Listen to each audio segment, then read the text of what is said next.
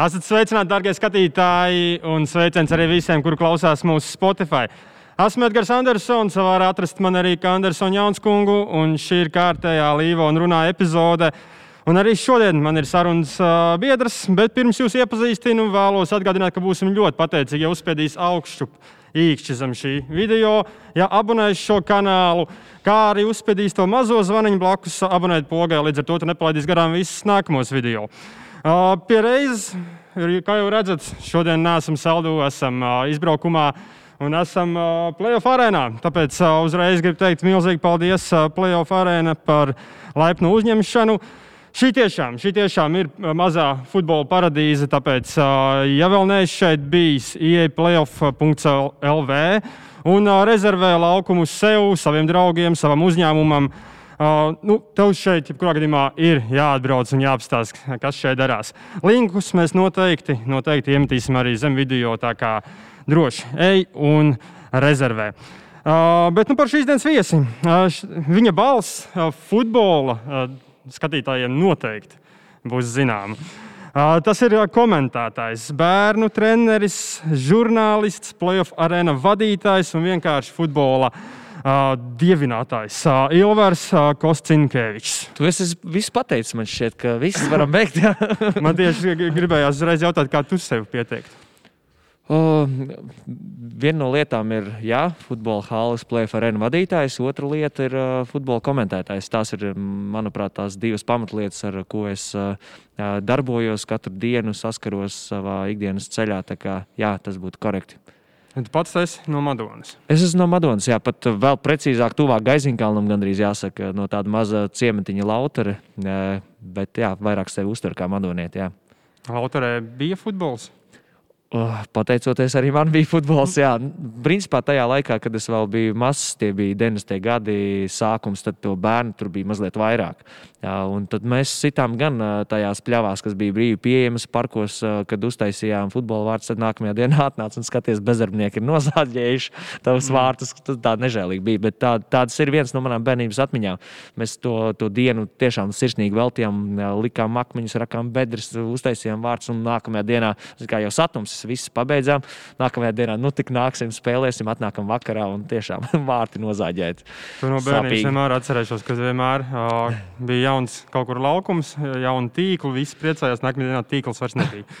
Kāds makšķerēs zīves tajā laikā? Jā, jā standarts. Uh, man uzreiz ir jājautā tev, uh, tu esi arī uh, Madona kvarts atbalstītājs. Zini, ļoti interesanti sanāca tajā laikā, tad, kad es no kustas pamatskolas, kuras mācījos pirmos deviņus gadus, pārgāju uz Madonas valsts gimnāziju. Es sāku spēlēt Madonas bērnu sporta skolā.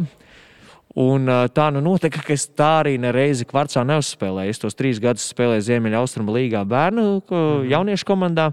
Un pēc tam pārcēlos uz Rīgu. Tas kvarca vilciens aizgāja secen, lai arī es gāju spēlēm, skatījos, atbalstīju un arī gribēju tur spēlēt. Bet, uh, Bet tā nu sanāca, ka es tur kaut kā neiegrozījos. Jā, spēlēm gāja daudz cilvēku Madonā. Zini, pārdesmit cilvēki nāca vienmēr, un es arī tagad, joprojām, kad es braucu uz Madonu, es vienmēr pārbaudu kalendārā jauniešu komandas, kad spēlē, vai arī lielā komanda, kad spēlē, bet vairāk es var teikt, nočakoja, kad U15, U14, U13 spēlē. Un pēdējos gados Madonas komanda ir ļoti progresējusi, vai varam teikt, ka tā sauņas futbolistu pāri simts bērniem, kas tur trenējās futbolā, ļoti sekmīgi startēja. Jo bija pat U15, man šķiet, tā bija grupa, vai U14, negribu samelot, spēlē elites grupā, kas, manuprāt, ir ļoti nopietns rādītājs priekš pilsētas ar 5000 iedzīvotāju. Un uh, es aizbraucu uz Madonu, skatos. 5-0 konto sasit gabalos. Skatos tabulā, Valmiera sasist, skatos Reizekne sasist. Tas, tas uh, manā laikā bija neiespējami. Jā, daži madonieši nonāca manā laikā. Tur Maksims Daņilovs, kurš uh, virslīgas uh, cienītājiem ir zināms, ar kuriem es Madonas sporta skolā kopā spēlēju. Viņš spēlēja gan Jelgavā, gan Daugopilī, bija Olimpā, talantīgs uzbrucējs. Bet tas, ka Madonas komandas graujas, lai kāds būtu uz konto, vai Rēzekne, vai Valmiera, kas vienmēr ir labas komandas, elites grupā, tādas komandas apspēlēt, tas man bija godīgi sakot pārsteigums. Un uh, nevelti virknē Madonas jauno futbolistu, divas Daugopili, divas Liepāja, divas Jelgavu. Viņi, es negribu varbūt lietot tik skaļu vārdu, ka izķēra, bet labākos paņēma. Viņiem bija iespēja aizbraukt uz labākajām Latvijas akadēmijām. Tā kā Jānis Rukmans un pārējie treneri, kas strādā Madonā, ar Jānu Rukmanu es vēl bērnu jaunas sporta skolā kopā pat uzspēlēju. Es tik vienā bildē skatos, hei, es biju aizmirsis, ka es ar viņu kādreiz biju kopā spēlējis. Nu, lūk, un, un man ir prieks, ka Madonā futbols ir iegriezies tādā labā kvalitātē. Tāpat ir Future futbolam, tur ir sava teiksim, nometne un bērnu skaits, kas tur nāk un darbojās.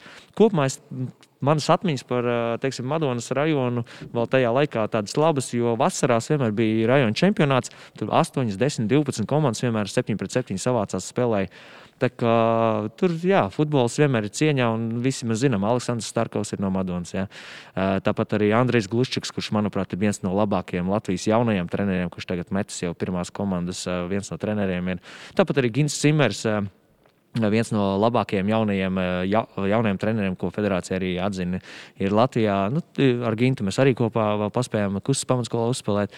Tā kā ir dažas tā teikt, futbola. Es teiktu, Latvijas mērogā futbola personības, kas nāk no tās puses, no kuras nāk es. Patīkami.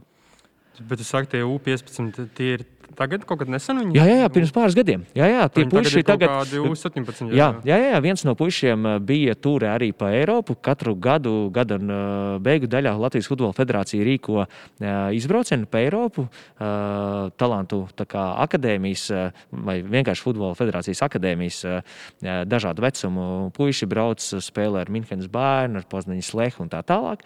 Un viens no madoniešiem, tiem, kas aizbrauc uz Daugopili, ir ļoti augumā ražants aizsargs. Viņš arī bija tajā komandā, kas brauc. Kā, jā, ir vairāki spēlētāji, kas varbūt kādā brīdī parādīsies kaut kur pie lielā futbola, teikt, zvaig, starp lielā futbola zvaigznēm un debesīm. Viss visādi var būt. Jā. Madona varētu sagaidīt tevi spēlējot Madonā.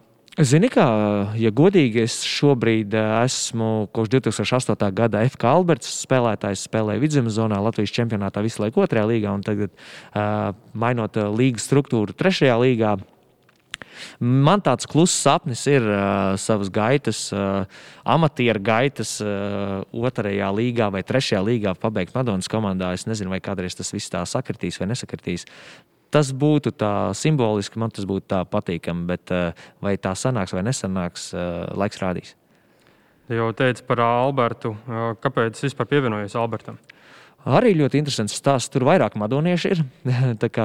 tas ir ļoti latviešu klubs. Un, Inters Garbovskis, ar kuru es Madonā mācījos vienā skolā, Madonas valsts gimnājā, kopā dziedājām Madonas valsts gimnājijas korī. Un, tad, kad es atnācu uz Rīgu, tad viņš vienā reizē man uzrakstīja, klausies, tur varbūt grib izmēģināt spēkus Albertā, jāatnāk uz dažiem treniņiem. Uh, Jā, viņš atcerējās vēl no tiem laikiem, kad es diezgan ātri skrēju, cīnījos vienmēr. Jā, bija tāds amatieru futbolists. Un, un jā, es 2008. gadā pievienojos Albertam. Mēs uzreiz kļuvām par otrās līgas čempioniem. Rekā sanāca tā simboliski sakrita. Bet jā, Alberts uh, kļuva par čempionu otrajā līgā. Un, uh, man patīk tādas uh, jaudīgas lietas, stabilas vērtības un tā tālāk. Un, manuprāt, FK Alberts, kurš uh, klubs, kas dibināts 2001. gadā un šobrīd ir viens no vecākajiem Latvijas futbola klubiem, eh, ar tādu stingru mugurkaulu, ar tādu stingru savu pārliecību, eh, mani uzrunāja, un man patīk tās stabilas vērtības, un, un arī tā latviskā lieta un piestiens. Latvieši spēlē futeni Kā, mm, jā, un, uh, man nepatīk mainīt lietas, tāpat mainīšanas pēc. Man tur patīk, man patīk tas komandas gars. Jā, tur uh, mēs uh, esam gadu gaitā, jo tur ir spēlētāji, kas no 2001. gada ir. Iedomājieties, tur vārdsargs ar vairāk nekā 45 vai 46 gadi.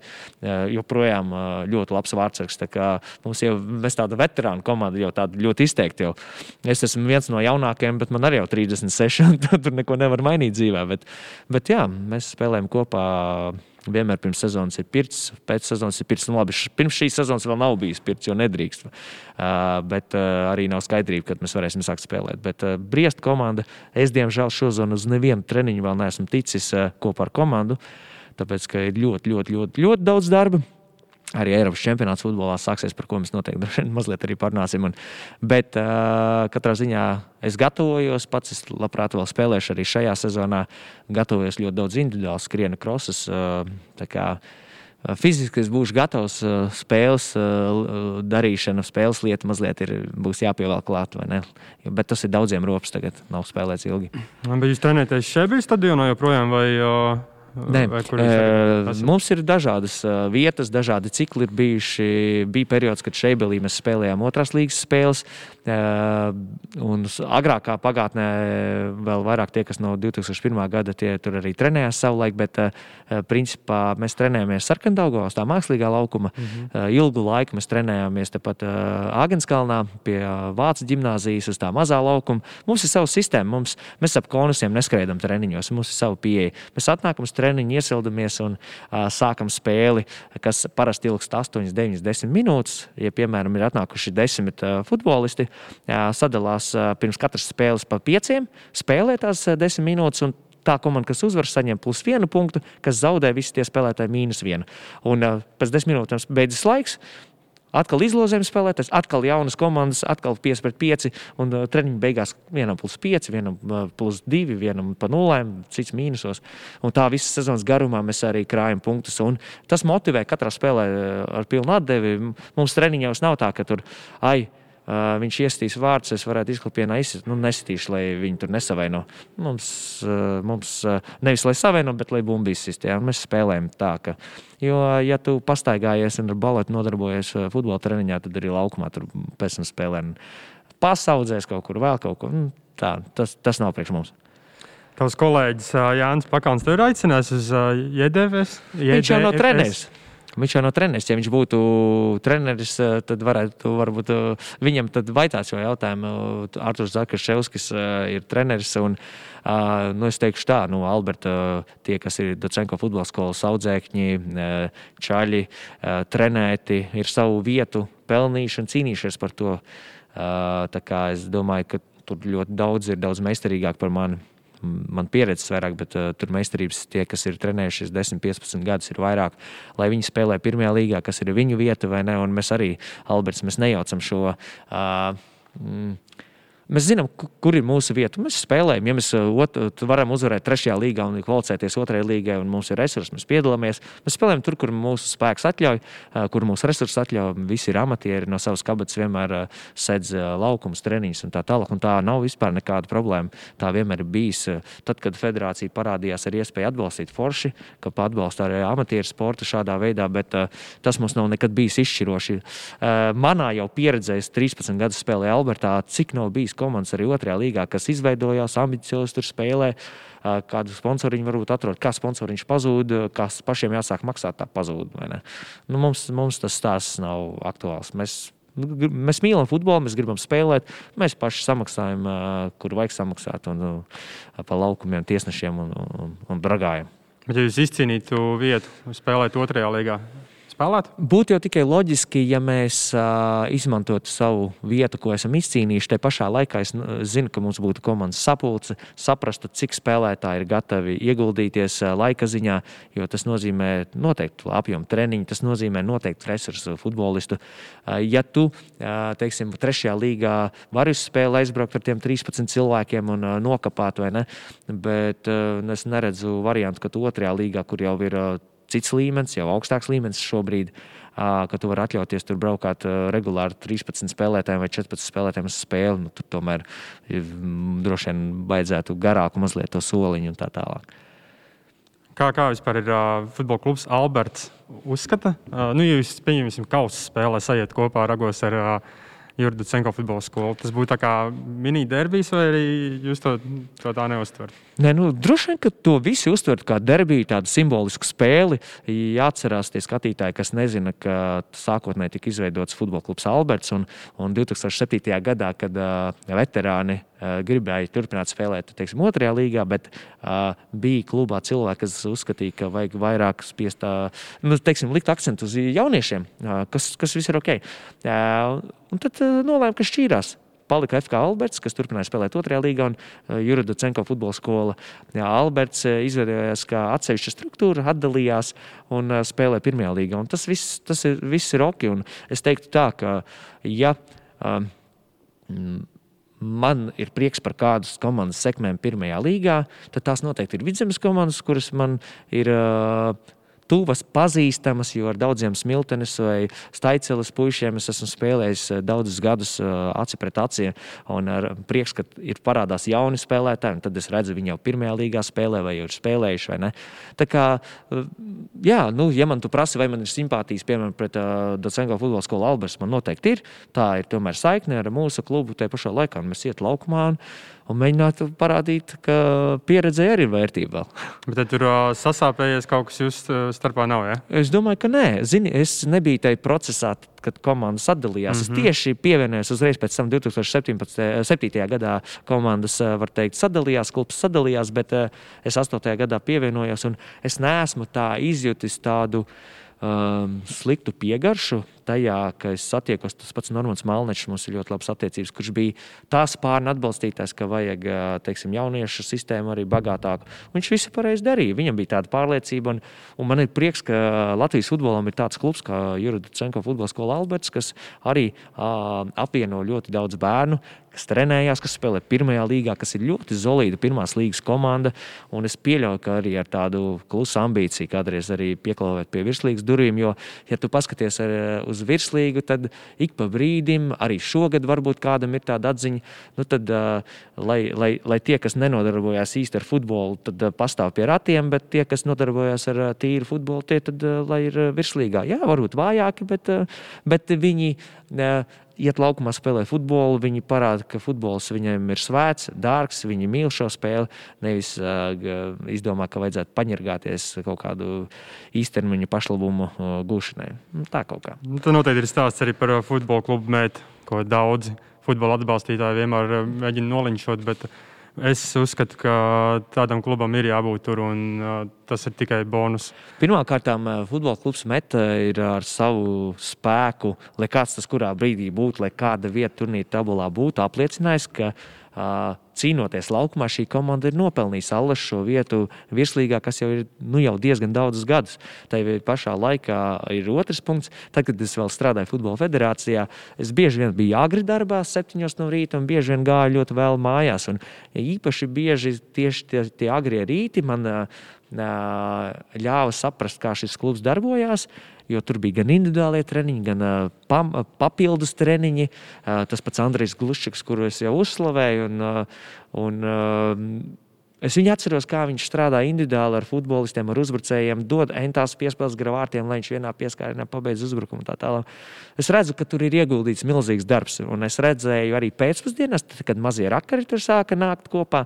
Un vispirms mazākie vecumi, pēc tam lielāki vecumi nāca trenēties. Cik daudz darba, cik daudz enerģijas, cik daudz futbola mīlestības tur tiek ieguldīts. Tādā ziņā cepuri nost futbola klubam meta, ko viņi sistēmas izveidošanas nolūkos un apstākļu radīšanas nolūkos ir izdarījuši, lai bērni varētu spēlēt futbolu. Nav visiem jābūt profesionāļiem, un profesionāļi patiesībā ir vispār ārkārtīgi maza sauņa, bet viņi dod iespēju trenēties, trenēties diezgan labos apstākļos. Viņi uh, daudz strādā pie tā, lai treneri būtu arvien kompetentāki un ar tiem bērniem kvalitatīvi treneri strādāt.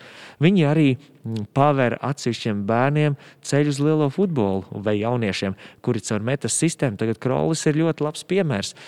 Krolim meta palīdzēja dot iespēju klauvēt pie lielā futbola durvīm. Teikt, ka viņš tās durvis jau ir atvērs, es uh, neteikšu tā, tāpēc ka tas, tas ko viņš ir sasniedzis, cepur nost, bet tas lielākais, ko viņš var sasniegt, vēl ir tikai priekšā. Un parunāsim, varbūt es ceru, nu, pēc dažiem gadiem par viņu. Jā. Nu. Nu, tas droši vien nozīmē ārzemes, tas nozīmē uh, krietni lielāku ieguldījumu Latvijas izlasē, daudz spēles, daudz goli un tā tālāk. Lai Mārim Verpakovskam beidzot būtu jāsatraucās. Uh, un es domāju, šis laiks arī ir tāds labs, ka, kas ļauj novērtēt to, ko Māris izdarīja izlasē. Proti, viņš guva daudz vārtus, viņš ļoti daudz palīdzēja, viņš palīdzēja uh, sasniegt lielas lietas. Un tad jaunie meistari, nu tad lūdzu, parādiet, ka jūs arī esat ar krampi un ka jūs varat arī sasniegt Horvātijas čempionātu, Ukraiņas čempionātu, varat La Ligā uzspēlēt. nu, latiņa ir pacelta diezgan augstu. Jā, kā kā pastāsti, kā tu nokļuvi vispār Rīgā? Rīgā laikam jau autobusu Madona Rīga caur Vecpievalgu. Uh, ja nopietni, tad uh, bija man kādreiz ģimnāzijas laikos tāds kluss sapnīts par uh, sportista karjeru, kā visiem jauniem mm -hmm. cilvēkiem, kam patīk sportot. Man mājās, Lautarē pagalmā bija uztaisīta no koka futbola vārti. Zvejnieku, man bija reāls zvejnieku tīkls vārtos ar uh, preses auklu piesiets. Tas gan jau vēl no vairākiem iespējams. Ja? Bija, bija, š, š, bija posmi, kas bija šūti kopā. Jā, atzīšos, tā bija. Tas, standarts. tas bija standarts. Man bija tā, ka vasarā parasti vecāki zaļie malku un bija skaidu kaudzes. Es ar tām skaidām kaisīju laukuma robežas, man bija vārtu laukums uz augs. Nu, viss bija no putnu lidojuma. Jebkurš, kurš lido gaisā, redz, ka tur ir futbola laukums un vārti un viss tur notiekās. Problēma bija cita. Uh, kopumā Lautra ir ļoti mazs ciematiņš, un tur bija maz bērnu. Un, uh, visbiežāk es spēlēju viens futbols, skraidīju no viena gala uz otru un daudzīju bumbu. Uh, tā bija viena problēma. Otrā kārtā man nebija bumbas normāls. Es atceros daudzus gadus, uh, pirmos es spēlēju ar bumbu, kas uh, ir basketbola bumbas, uh, kad āda noplīsusi iekšā pūles. Kamera jā, tas ir kamerāls spēle. Nu, nebija vienkārši. Nu, tajā laikā nebija, nebija tādas iespējas nopirkt, nebija, nebija bumbas. Nu, tā es tur dzīvoju, tā es tur klapēju. Ļoti daudz spēlēju futbolu, sitot bumbu pret uh, gazbetonu sienu, kas bija saimniecības ēka mm -hmm. turpat pagalmā. Tā man tā bērnība sanāca. Nu, lūk, tā futbola vai sporta mīlestība, vairāk jau futbola mīlestība man bijusi līdz kaulam, tā kā visu manu bērnību, jaunību. Un tad, uh, tad jā, es uh, mācāties Madonas gimnājā. Bija vēl sapnis, tāds vēl pamatskolas pēdējos gados un gimnājā par Mūrjāņu sporta gimnāziju, bet Man bija diezgan smaga trauma. Vidzemes čempionātā viegli atlētikā es startēju un sagrūdu kājas, pa lielam saduru pa kalspēdai. Un tas gadu bija ārā pēc operācijas viss un, uh, un neko. Es gribēju būt sportā, bet es nevarēju būt sportā. Tāpēc es nevarēju pasportot tajā laikā, man gads bija pilnīgi uh, pauze. Un tad es uh, sapratu, ka mans sporta skolotāja Ināra Staudža, saka, klausies, varbūt tu vari uzrakstīt. Es uzrakstīju vienreiz, otrreiz, un tā es sāku gimnāzijas avīzē rakstīt. Man aizgāja tā lieta. Es sāku rakstīt par futbolu. Madonas rajona laikrakstā Stariņā es rakstīju par uh, uh, Madonas čempionātu 7 pret 7 vasarā. Un, uh, tad es sapratu diezgan ātri, ka es gribu kļūt par žurnālistu, sporta žurnālistu, kas ļauj man būt uh, klāt lieliem notikumiem. Un tā arī bija. Es stājos Vidzemes augstskolā un stājos Latvijas universitātē 2003. gadā.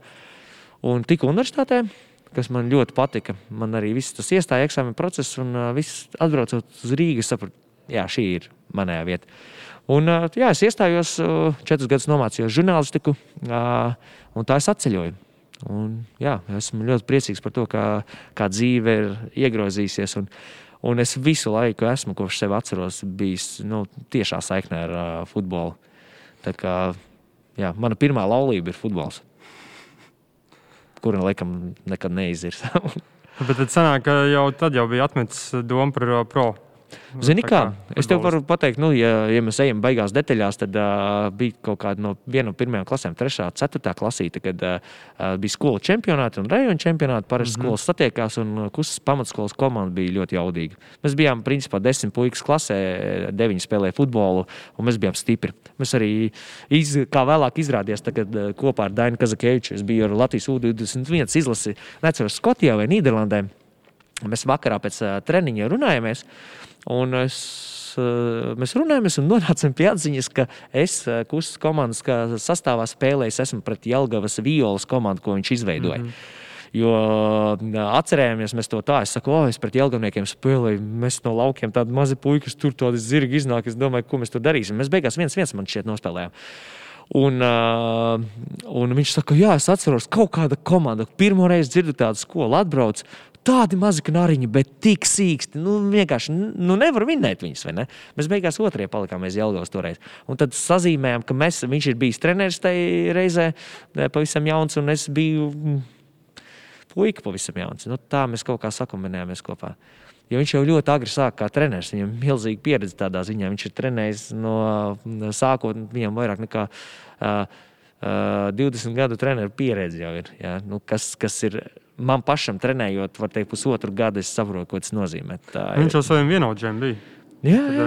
Tur jau tā lieta, ka viņš sāk ar maziem, un pēc tam arī par viņu vecāku vēl bija viņa audzēkņi. Nu, bet tas viss, tas viss ir ok. Nu, lūk, tā, tā nu viss tas sasējās kopā smuki. Un kā tu nokļuvi laikrakstā dienā? Laikrakstā dienā es nokļuvu tā, ka es uh, sāku mācīties žurnālistiku. Pirmajā gadā pēc pirmā kursa mums bija iespēja praksē iet dienā. Es atceros, uh, atbrauca viens no dienas, uh, vai tā bija Mārcis Miķels, un es tagad jāsāk man uh, atcerēties uh, uz universitāti. Jums būs tāda iespēja visiem acis deg. Man tajā laikā diena bija top, top izdevums, un mans dzīves sapnis tur strādāt. Jo tur bija Arthurs Vaiders, tur bija Gunts Keisels, tur bija Māris Zembergs, Ivo Jirgens. Viņi bija top, top žurnālisti. Tiešām ļoti labas kvalitātes žurnālisti un uh, super redakcija. Un es te pirmajā gadā, vasarā, mēs aizgājām visi tie gribošie, kas uh, gribētu tur strādāt. Uh, Sarmīta Elerte saka, draugi, saprotiet vienu lietu, jūs esat vesels pulks, bet palikt iespēja dienā būs. Mm, jūs esat 30 vai 40, mēs tur bars reāls bijām. Nu, divi, trīs varbūt. Un tad tu saproti, tad es pirmajā reizē tā normāli pļauju pa seju, saprotu, kāda konkurence vienkārši, lai tu tur tiktu. Tagad ir citādāk, diemžēl. Tie laiki bija labāk, konkurence bija, un tas arī kvalitāti pieprasīja citādā līmenī. Nu, lūk, un es tev pirmo vasaru spraucos, es saku, es gribu sportu. Man tik saka, draudziņ, pagaidi, tur četri veči, un tur pietiek viss. Es rakstīju par gaudījām, uz kultūras festivāliem. Rakstīju, un pirmais raksts par sportu man bija uh, Raimonda Bergmaņa 2004. gadā spēka vīru sacensības meža parkā. Tur bija rīktīgi stipri puikas. Un uh, es pa vidu un rakstīju par to notikumu. Mans sapnis saglabājās tur. Tikt. Un tad, uh, vēl pēc kaut kāda pusgada, es jau mācījos otrajā kursā, un man piezvanīja Es domāju, Arthurs Vaiders pateica, klausies, Baltika News servis ziņā aģentūrā meklē vienu žurnālistu. Varbūt pamēģini. Un es nonācu līdz Baltika News servis ziņā aģentūrai. Tur es strādāju pusotru gadu. Un uh, tad 2006. gadā jau bija konkurss dienā. Viņi meklēja piekto, jo slodze bija liela, apjoms liels. Tajā laikā vēl drukātajā presē diezgan labi gāja. Un meklēja piekto žurnālistu. Un tad mēs pieteicāmies ar 35 vai 36 bija uz vienu vietu. Es to konkursu vinēju. Un es tiku dienā no 2006. līdz 2010. gadam strādāju dienā, aizbraucu uz uh, uh, Vankūveras Olimpiskajām spēlēm. Uh, un, uh, jā, un pēc tam man visu laiku bija tā nieze, es uh, arvien dziļāk būtu futbolā. Arthurs Vaiders cepur nost, viņš man ļāva reāli. Es gāju uz virslīgas spēlēm, uz katru kārtu, uz entajām spēlēm, rakstīju par virslīgu cepuru nost, ka pieredzējušies tādu, nu, vecais, nu, pagaidi, pastāv pie ratiem, izaugs, varēs rakstīt. Viņš atļāva darboties. Un uh, skaidrs, ka starp tādiem supervečiem ikdienā lasot viņu rakstus, uzsūcot visu to viņu valodu, pieeju, kā analizē lietas. Tā es ar tik stipriem vīriem kopā varēju strauji progresēt un izaugt līdz nākamajam solim. Tā bija trešā reize, kad man jau piedāvāja sporta avīzi nākt pie viņiem un tieši par futbolu rakstīt. Un trešajā reizē, kad man piedāvāja, es neteicu. Un jā, seši gadi pēc tam sporta avīzē, tādā hardcore par futbolu. Bet uh, cik tev ilgi pagāja laiks, kad tu sāki dienā strādāt, kad tev sāka uh, uzskatīt par nopietnu žurnālistu? Gan jau no sākuma, jebkurā gadījumā, domāju, ka šis ir zaļais. Zini, kā? Bet... Ļoti interesanti. Labs jautājums, bet uh, es domāju, pirmkārt, dienas uh, zīmoks iedod uh, uzreiz statusu.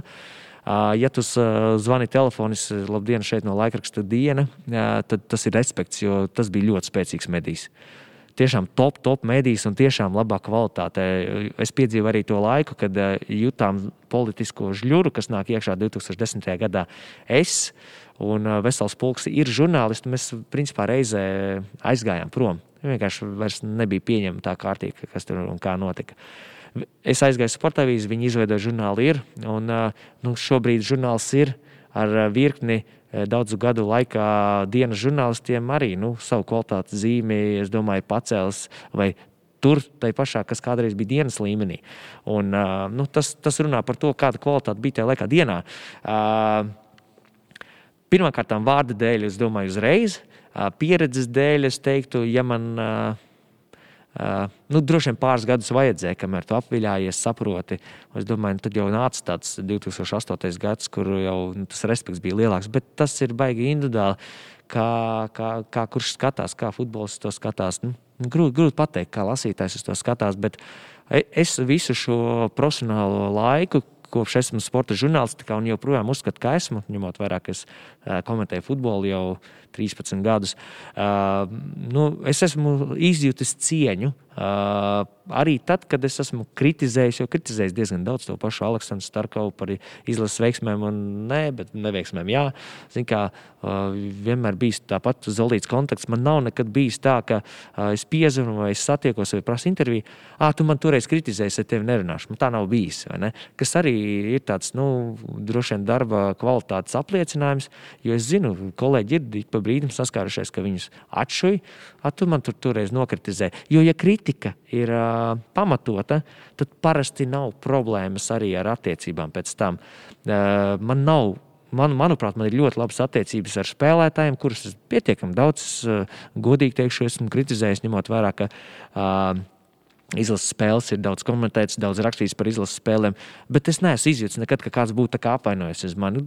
Es saprotu, cilvēciski, ka nevienam nav patīkama kritika. Nu, tā tas ir, vai ne? Bet, ja joprojām, piemēram, es komentēju futbola spēli, izlases spēles, uh, ja, ja spēlētājs ar visu mikrofonu aizgāja pagājis, ja spēlētājs ir. Uh, kļūdījies, tad, eh, tad tā ir kļūda. Un, ja skatītāji tūkstoši to redz, ka tā ir kļūda, tad tā ir kļūda. Nu, ko, ko, ko darīs? Nu, ja tu ķer, ja, ja nav personālajās, ja vārdsargs ķer, atstāj starp kājām spraugu, ķer bumbu un izlaiž starp kājām un ielipo bumbu, es nevaru, lai cik man liels čoms būtu, teikt, ka, nu jā, nu, nu, nu, drīzāk jau laukums nelīdzens un meklēt tā kā vainas citur. Nē, nu, vārdsargs ir rupi kļūdījās. Nu, tas ir fakts, to visi redz, vai ne?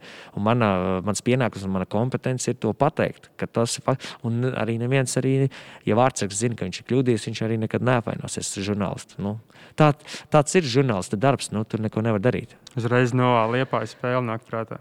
Liepais spēle, jā, nu es jau mazliet pieskāros. Es jau mazliet pieskāros.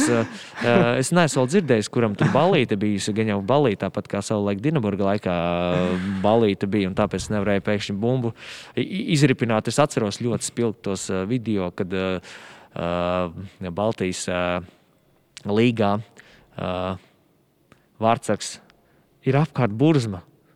Pretinieki neskrien prom, tā vēja nekur neskrien, un tu vienkārši izripini kājās, tad, oi, goliņš iekrita. Nevarēja tur iesist, tur bija problēmas, vajadzēja iesist, laikam, bet nevarēja iesist, tur visu laiku muļās kaut ko.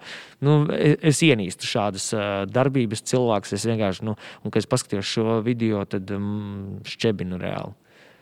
Nu, bēdīgi, katrā ziņā bēdīgi. Paliek, Bet ir daudz labas man, lietas. Līvona klubs ir viena no tādām labām lietām, kas ir. Jā, nē, tas nē, ir bez virslīgas kontekstā ļoti žēl ir pašu virslīgu kā tādu. Kas, iz, kas, kas dara strādu. Jā, un tad ir. Tad ir šāds pūlis. Vai kā viņu var nosaukt. Uh, par žurnālistiku vēl pēdējais uh, ir tev. Bet pirms tu, pirms tu saki, es teiktu tā. Es vienmēr saku tā, futbola dievs atriepsies. Jā. Tā kā, jā, tu, nu, viss nāk atpakaļ. tā. tā kā tā. Uh, par žurnālistiku pēdējais, vai tu plāno vēl kādreiz rakstīt? Mm, man ik pa brīdim piedāvā. Man ik pa brīdim, es nesaukšu medijas, nopietni mediji piedāvā rakstīt gan par sportu, gan ne par sporta tēmām. Izslēgt to nevar, bet man šobrīd ir absolūts fokus uz divām lietām, uz trijām. Uh, hausa vadīšana, jo šobrīd ir ļoti svarīgs laiks, lai uh, pandēmijai rimstoties, mēs varētu uzņemt tos apgriezienus, kādus mēs šeit varam uzņemt. Jo šī tiešām ir futbola paradīze. Nevienā brīdī par to nešaubos. Un šī vieta ir tāda, kas cilvēkiem, tie, kas paspēja, ļoti iepatikās, un tie, kas nepaspēja, paspēs un ļoti iepatiksies. Un uh, otra lieta ir uh, futbola komentēšana, kas ir absolūti mana sirds lieta. Uh, kas man ļoti, ļoti patīk. Man ir prieks, ka 13 gadus komentējot ļoti daudz spēļu. Tagad jūnijā man būs 22 translācijas un epizodes, kurās es iešu gaisā, kas ir liels apjoms. Bet man tiešām ļoti patīk to darīt. Un, un trešais ir ģimene, kurai, kurai vajag veltīt daudz laika. Un, spēt atrast vairāk laika, nekā es veltu šos gadus, esot dūls ar visām futbola aktivitātēm. Nu, ģimenei pacietība. Oh, ģimenei liela pacietība. Uh, par, par, tu teici, tikko teici, ka tev piedāvā ne tikai par sportu, par kaut ko citu arī rakstīt. Mm. Un tad jautājums, par ko tu vēl labprāt rakstītu, izņemot sports?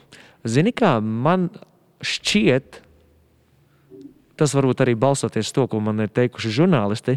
Uh, un arī lasītāji, ka diezgan labi padevās uh, veidot personību stāstus, cilvēku stāstus. Uh, Es esmu rakstījis par vairākām tādām lielām lietām.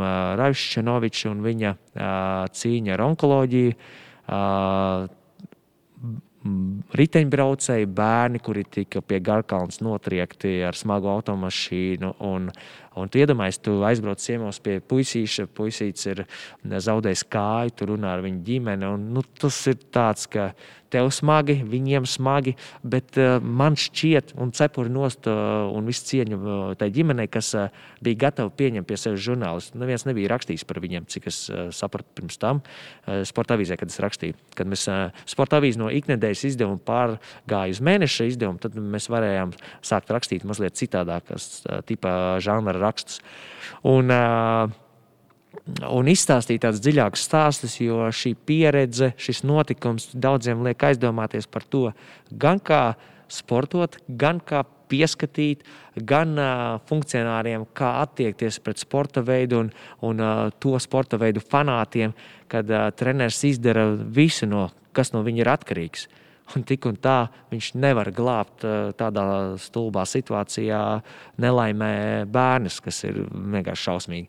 Nu, lūk, un šie stāsti. Uh, man šķiet, ka man tīri labi, nu, es izmantoju latviešu nepareizu formātu, kā to pateikt, rakstījās. Ja? Nu, jo rakstu, tu raksti, rak, nerakstās nekas pats no sevis. Bet nu, žurnālistikā un rakstīšanas būtībā, tāpat kā rakstot dzēpārdomas, nu, ir tā, ka rakstās, iedvesmu uznāk tu rakstu.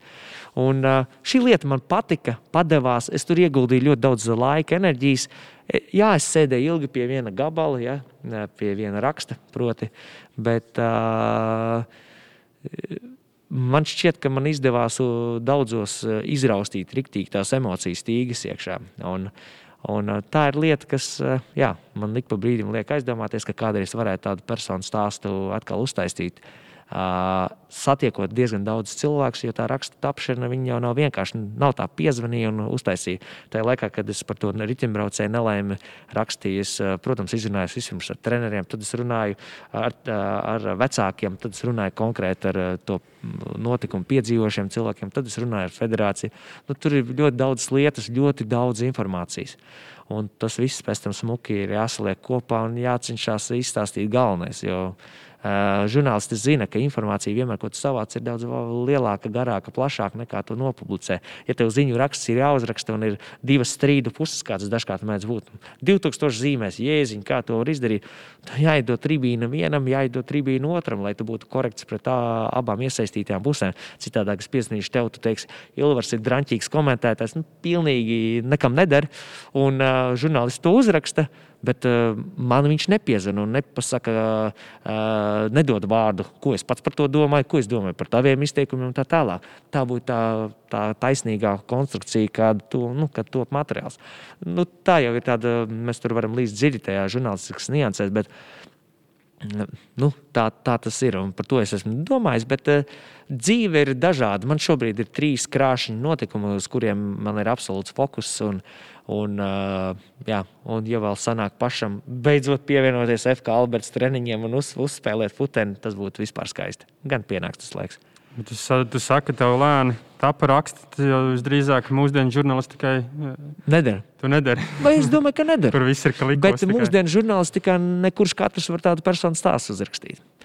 Tā ir tā lieta kas kuram ir vajadzīgs. Tas nav izdevīgi. Es strādāju ziņu aģentūrā, es zinu, ko nozīmē rakstīt arī ātrāk un publicēt vairāk, lai arī tas nav priekš manis. Tas temps nav priekš manis. Um, man nepatīk lietas ķeksīšu pēc. Uh, nu, Tur ļoti labi doma pamet, ka īstenībā daudziem šī dzīve tagad ir kļuvusi kā tāda ziņu aģentūras ziņas lēka, kur vienkārši tik lido iekšā un uh, tajā tā dziļuma pietrūkst, tās pārdomas par to jēdzīgo. Jo, zini, kas ir būtiski? Manuprāt, mēs nodarbojamies ar ļoti daudzām lietām vispār mūsdienās, bet mēs pārāk reti nonākam pie fokusa. Kas ir tā īstā jēga? Es tagad nepārspīlēšu par dzīves jēgu runājot, bet, bet tas virziens tāds ir. Kas tad ir īsta tā jēga vai īstā vērtība, ko tu dzīves beigās vari pateikt, šī, šo bija iedzīgi darīt un bija vērts tur tērēt laiku, un cik daudz mēs iztērējam laiku visādos draņķos, un tam nav nekādas pievienotās vērtības. Vienmēr ir tas, tas brīdis, kad tu skrolē pa telefonu un skaties tur Twitterī kaut kādas ziņas, kas arī dažkārt ir vajadzīgs un svarīgi, un tas bērns tev raust un saka, klausies, uzspēlē 5 minūtes ar manu futeni dienas beigās grozies kā gribi, tad es atvainojos Twitterim, tad viņu varam izmest miskastē, bet tā 5 minūtes labāk, 10 un 225 minūtes ar to bērnu un futeni ir daudz jēdzīgāks. Nu, tā, nu, uz tām lietām vajag paskatīties, jo laiks tad visiem tā kā vienāds vai līdzīgs dots, vai ne, bet kā mēs viņu izmantojam. Tāpēc man ir tāda aizraušanās darīt vēl kaut kādas citas lietas. Man žēl, ka es ģitāru absolūti nolicu malā. Vienu brīdi es citīgi spēlēju ģitāru, tāpat savam priekam. Es kaut kādas dziesmas esmu sarakstījis, varbūt ap 20, 25, vai ne, kuras neviens nav dzirdējis. Varbūt mani kaimiņi kādreiz. Bet, bet dažreiz tas viss iedod tādu lielāku piepildījumu. Kam vajadzētu, vajadzētu notikt, lai tu aizietu uz studiju? Uz studiju, tu domā, nodziedāt savas dziesmas. Zini, kā interesanti. Arī labs jautājums. Tev daudz labu jautājumu šodien. Uh, bet tāpēc, ka mums ir vairāk laika, un tā ir tā, tā labā lieta. Ja mēs te runātu 5 minūtes, tad es varētu sprintot, uh, bet man patīk formāts 2x45, kā tas nojāt. Ja? Vēl papildu laiks vispār ideāli 2x15. Uh, nu, lūk, uh, Tas arī ir stāsts par uh, grāmatu, ko es izdevu pirms pāris gadiem. Durvis, dzēpārdomas. Uh, proti pārvērst kaut kādu savu hobiju kaut kādā jēgā. Jo tas nebija tā truli, ai, vai nu, nodrukāšu grāmatu. Nu, sakrājies kaut kas tur ir. Plauktā. Lai. Tas, es uzreiz mēģināju saprast, kas ir tā jēga, ko es ar to varu izdarīt, kāda ir pievienotā vērtība. Tāpēc es uzreiz skatījos, Vai tas var kļūt par labdarības projektu? Varbūt uzreiz uh, skatītāji, kas, ne, kas nezina. Uh, Ilvars ir izdevis grāmatu, Durvis bija pareizi nosaukums. Durvis, Durvis uh, kur vi, visi ienākumi tika ziedoti eh, puisim vārdā Rudolf. Ru Rudolfs. Rudolfs viņš, eh, viņš tika notriekts uz gājēju pārējas. Jā. Eh, policists neveiksmīgi brauca un notriekts uz gājēju pārējas viņu salkrastos. Jā, jā un pu puisim bija sapnis spēlēt, spēlēt futbolu, un mm. tāpēc Ilvars izdeva grāmatu ar saviem mm. dzējoļiem. Mm -hmm. Un jautājums to grāmatu vispār vēl var nopirkt, vēl var ziedot? Vai, kā, vai, vai tas ir tas projekts? Ir... Man ir jāpaskatās, jāsprāst patiesībā patiesībā Jāņa Rozes grāmatnīcē vai kāda grāmatiņa ir palikusi. Praktiski visas ir pārdotas, bet eh, varētu būt vēl dažās grāmatnīcās, ka šī grāmata ir pieejama. Uh, jā, un visa nauda tiešām aiziet un aizgāja labdarībai. Un, ja kāds nopirks tagad, uh, tad uh, vēl joprojām aizies pie Rudolfa. Un, tas laiks ļoti labi viņam palīdzēja. Jo ar tiem līdzekļiem viņš varēja aizbraukt vēl uz Slovākiju, tur, kur ir tā specifiska palīdzība, kas viņam nepieciešama, ārstnieciskā vingrošana, vispārējais. Viņš varēja veikt. Un pagājušajā gadā, vēl pirms pandēmijas, kad mēs varējām satikties, vai tas bija vasarā, kad bija brīvāki nosacījumi, man šķiet, arī tad mēs uzdevām bumbu. Un, Progress vienkārši fantastisks viņam. Um, es atceros mammas vārdus, mēs salkrastos pa baltajām kāpām staigājām. Viņa saka, pirmo reizi dzīvē Il Ilvaras eju bērnam līdzās, bet es eju viņam aiz muguras, uh, es nestāvu viņam blakus un bailēs, ka man tūlīt jāķer tas bērns aiz rokas, jo viņš var nogāzties. Jā. Viņš ir stabils, stiprs, ar viens stiprāks. Man ir baigais prieks, ka sanāca tāda, tāda laba lieta. Un, uh, Jā, un uh, cita lieta, ka tie, kas man uh, tuvāki draugi, kas bija šeit kaut ko redzējuši no manām dzēpārdomām, ka es to saucu, jo es nejūtos liekams sevi vienā plauktā ar Imantu Ziedonu, Ojāru Vācietu un šiem izciliem dziniekiem, tāpēc es arī nosaucu par dzēpārdomām. Ka dzēja tas jau ir, manuprāt, nākamais līmenis, Klaus Elsbergs, Visma Belševits un tā tālāk. Tā pašā laikā izstāstīšu bombu. Es aizbraucu uz Liepāju. Tad, kad grāmata 2019. gada vasarā tika izdota, iegāja Jānis Rozes grāmatnīcā, interesi pēc. Un es skatos, dzīslas grāmatas, tur skatos apakšā, nevar atrast. Domāju, nu, nav nolikuši nekur. Eju uz augšu, skatos, Kaviča grāmata tur apakšā. Eju, eju uz augšu, skatos, ziedonis, skatos blakus ziedonim. Goda vārds. Es vēl nofotografēju. Man tas bija pilnīgi tāds šoks un pagodinājums. Un, uh, paldies uh, jā, grāmatnīcai Jānis Rozes, kas arī panāca pretī. Un, uh, forši, forši, forši tāda sadarbība. Tā kā, jā, patīk, patīkams atmiņas par to projektu. Uh, nu, pieņ, pievērsīsimies tavai komentēšanai. Aiziet. Komentēt, tu sāki laika posmā, kad tu pārgāji no dienas uz sporta avīzi. Es tā... vēl biju dienā, un tas stāsts starterī ir tāds, ka to, lai, toreiz FK Rīga, futbola klubs Rīga, mm -hmm. bija tāds vēl virslīgā. Viņi ieguva tiesības spēlēt Intertoto kausa izcīņā, mm -hmm. un uh, bija jākomentē spēle Liepā, jo mājas spēle viņi nolēma, ka aizvedīs tur un brauc uh, Filkir komanda pret viņiem spēlēt. Man Toms Circens, uh, kurš ir TV3 sporta. Uh, Visas tās ģimenes vadītājs, varam teikt, tā viesas sporta Baltika izveidotājs, un, kas bija pirms tam, tagad TV3 sporta. Un viņš saka, klausies, Ilvara, šobrīd nav mums komentētāja resursu, vai tu varētu nokomentēt? Es saku, bet es nekad neesmu komentējis. Viņš saka, bet es zinu tavu kompetenci, es lasu tavus rakstus dienā. Es domāju, ka tu varēsi vienkārši nu, kaut kāds nianses tev apstāstīšu, un, un paskatīsimies, kurš būs tas otrs, kurš būs klāts. Es, saku, es, es, saku, es piekrītu tam. Bet tikai tad jau ir vēl viens. Ja? Mēs aizbraucām uz Liepāju, un pēc tam, protams, izrādījās, ka vēl viena nav. Kas esmu viens, es biju pārgatavojies, es biju pārstresojies. Bija ļoti silta vasaras diena Dārgavas stadionā Liepājā sēdēju tajā turnītī otrajā stāvā, saule spiež acīs. Es gandrīz neko laukumā neredzu, ekrānā es tiešām neko neredzu. Man bija tāds stress un tas bija tāds baisais izaicinājums. Un es atceros pēc spēles, es tam cirkstiem piesaku, nu, kā bija. Viņš saka, nu, otrais puslaiks bija labāks par pirmo. Mēs nosmējāmies gardi. Un tad, kad uh, gadu mijā jau tika veidots uh, 2009. gada janvārī viesos par Baltiku, uh, tad Toms uh, uzaicināja pamēģināt spēkus. Un mans pirmais uh, lielais turnīrs bija Francijas čempionāts. Bija tā, ka mums bija iespēja komentēt Vācijas Bundeslīgu, ja nemaldos, Championship līga un Francijas čempionāts. Kreipāns bija numur viens, Kreipāns pirmais izvēlējās, protams, paņēma Sprehenzību, bija Deutsche, ja, paņēma uh, Vācijas čempionātu. Un tad Oskars Morozovs bija, man šķiet, otrais numurs to brīdi. Tieši tie trīs komentētāji, kas tur bija, kam bija jāizvēl. Oskars paņēma Championship. Un, protams, to, kur es mazāk gribētu paņemt. Jo paskaties, visi melni, nevienu nevar atšķirt vispār. Es domāju, nu, franču valodu nemāku, un tagad jau merci beaucoup. Jā, kā. Un, uh, es paņēmu franču valodu, un tā bija tik uh, aizraujoša. Tas bija super laiks. Man ir mapes mājās vēl. Uh, pašam vietas drīz pie durvīm nebūs iet. Es esmu visu saglabājis, visus pierakstus. Man bija tā, ka šis galds ļoti labi raksturo. Viss šāda izmēra galds bija nolikts lapām katras komandas tabulas, tur iepriekšējās sezonas, tur es gatavojos pa 8, 10 stundām spēlēju. Man nenormāli azartā tas viss palika. Un šobrīd joprojām man ir tepat netālu, pārdesmit metru attālumā. Pierakstu, vai arī nav līdzi. Varbūt arī nav. Kur ir uh, katra spēle, nu, detalizēta, viss taktiski izvietojumi. Viss. Man joprojām ļoti patīk gatavoties. Tas man tāds, nu, reik, Tad, tas sanāk daudz koku tevis dēļ nogāzt? Ah, zini, es mainīju konceptu tieši pirms diviem gadiem. Koki vairs netiek tik daudz nogāzti. Man ir viena klāte liela, A4 formātā, un tur es sagrūžu atvērumā visu. Un es visu sezonu, varu teikt, ar lielu, vienu biezu klāte staigāju. Kādreiz, jā, piedodiet, Brazīlijas meži un skābekļa cienītāji mm, aizgāja daudz. Jā. Uh, es esmu skaitījis vispār, vai arī kad tu beidzi skaitīt, cik spēles es komentēju? Jēziņ, tu man paprasīji to skaitli, kurus noteikti nezinu, bet es tev pateicu to, ka tagad jūnijam startējot 2021. gada vasarā mums būs 22 pārraides. Tas ir vienā mēnesī. Jā, čempionāts. Eiropas čempions. Tātad mums būs vairākas spēles, 11 spēles Eiropas čempions, plus pārbaudas spēles tagad sāksies Plus Latvijas izlases spēles, kas man ir super prieks un super gods, ka man ir iespēja Latvijas izlases spēles komentēt. Tas ir reāli. Nu, tā ir bauda. Jā, tas tā.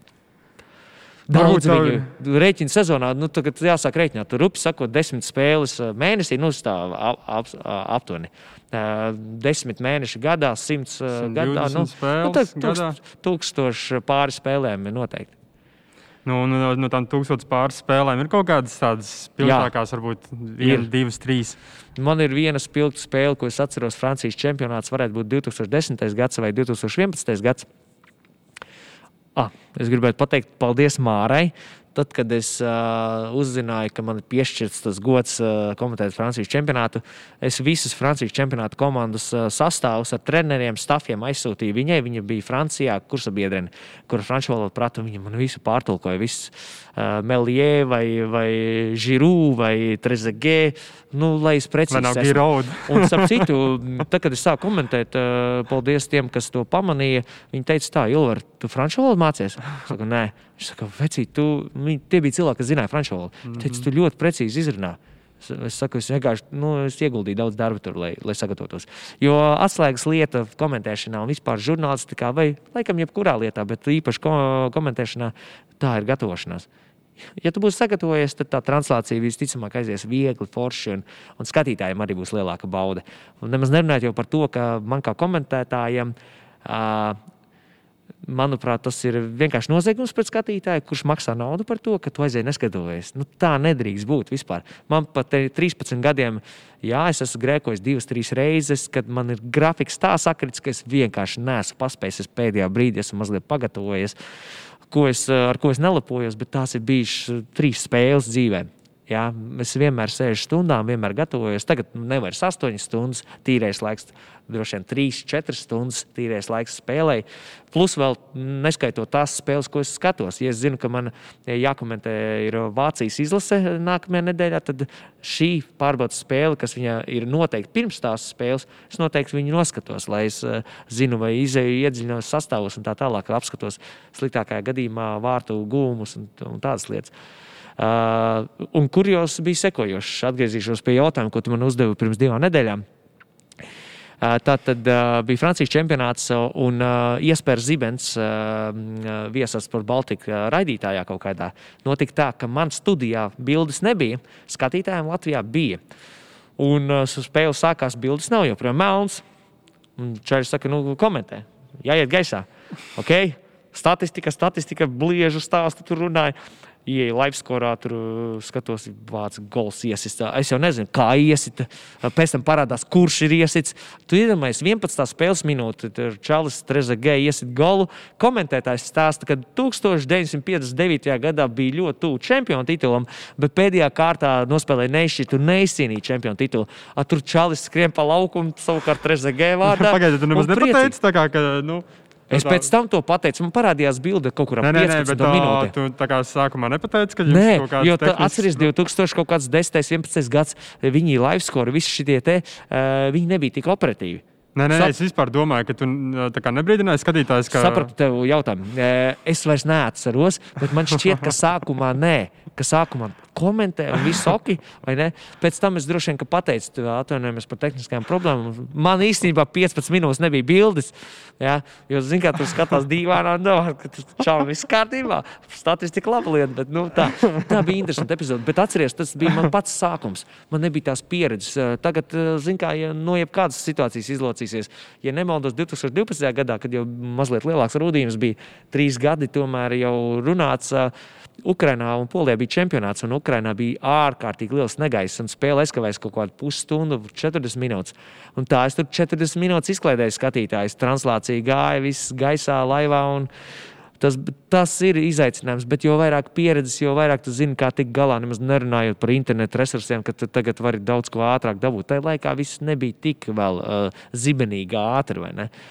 Tagad jau ir tā, ka tu apskaties interneta tīmeklī, un, oh, gols, un pēc tam skaties, ah, pēc pusminūtes goliesit, vai ne? Tagad ir bijis cita pasaule, ne? Bet, uh, Pirms desmit gadiem vēl, vēl viss nebija. Tāpat kā tur pirms 35 gadiem vēl uh, teiksim, interneta skats un dators bija gandrīz kā laukums viens vai ne? Nu, tā, tāda laika.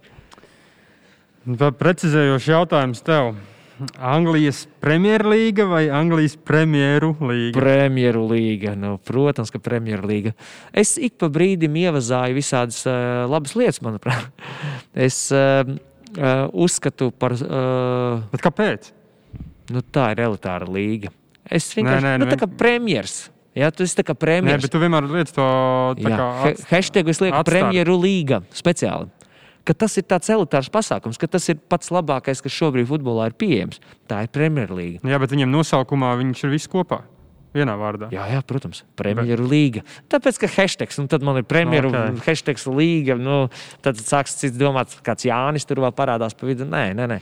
Nu, jā, es... nu, pēdējā laikā tieši daudz komentē tieši uh, premjeru līgu. Premjeru līga ir mana ikdiena. Čempionu līga. Mm. Uh, bet bez tām tur arī ir izlases. Daudz jā, komentē. Jā, jā. Kas tev labāk patīk? Izlases vai uh, klubi? Zini, kā tas tā banāli teikšu, tāpat kā ar bērniem, kurš tev labāk patīk. Zini, kā nu, nu nav tā. Bet, Bet nu, klubu futbols labāk vai? Nē, nu, zini, kā, ja man jā, jāsarindo kaut kādā secībā, es vienmēr teikšu Latvijas izlasi. Nu, tas man stāv pāri visam. Patīk komentēt Latvijas izlasi? Patīk. Vai labāk gribētu skatīties vienkārši un izbaudīt vairāk? Mm, labi, tu pavaicāji ja varētu jā, kādu garšīgu kvasu izdzert, tad varbūt arī forši tādā veidā, bet es sen to neesmu piedzīvojis. jā, bet uh, nē, nu, goda lieta tā ir ārkārtīgi liela. Uh, es uh, ilgus gadus jau komentēju. Latvijas izlase savulaik man bija iespēja arī komentēt Latvijas čempionātu virslīgu. Tā ir liela goda lieta, jo uh, daudzi to nenovērtē, bet manuprāt, uz futbolu arī jāskatās kā uz premjeru, kā uz prezidentu. Uh, Jo, kā uz ja, karali. Kā uz karali. Jo, ja mēs paskatām, nevelti ir tas karalis. Nu, viņš nav nejauši ielavījies. Jo tas, kādas emocijas futbols dod, kādu pieredzi dod, kādas iespējas cilvēkiem dod, nu, tā ir karaļa valsts. Tur viss notiek tā kā elitāri. Uh, man bērni nedēļas nogalē, salkrastos, es beidzot nopļāvu zāli un iekārtoju izcirtu saknes tajā vietiņā, kur mēs esam apmetušies vasarā. Uh, es nopirku vārtus, uzliku Tur stundām viņi vienkārši drēlēja futeni. Nekā viņiem nevajadzēja. Bumba ir, vārti ir un aiziet. Un viss. Zāles tur vairs nebija. Protams, varēja arī nepļaut īstenībā. Bet principā, nu, nu tu arī nu, tu, tu dzīvo Līvonam līdzi, skaties Līvona spēles. Dažreiz liekas, tev kāds noliktu tūkstoti. Tu saki, nē, paturi sev. Es labāk izbaudīšu, kā Līvons tagad vinē trīs punktus pirmajā līgā. Nu, es to gaidu. jā, tas, tas pienāks. Tas pienāks. Es to gaidu. tas melnais, saldus humors. Māri Bārda arī to gaida. Mēs sagaidīsim, Māri. Jā, gan jau tu kaut kur mūsu tūmā dzirdi.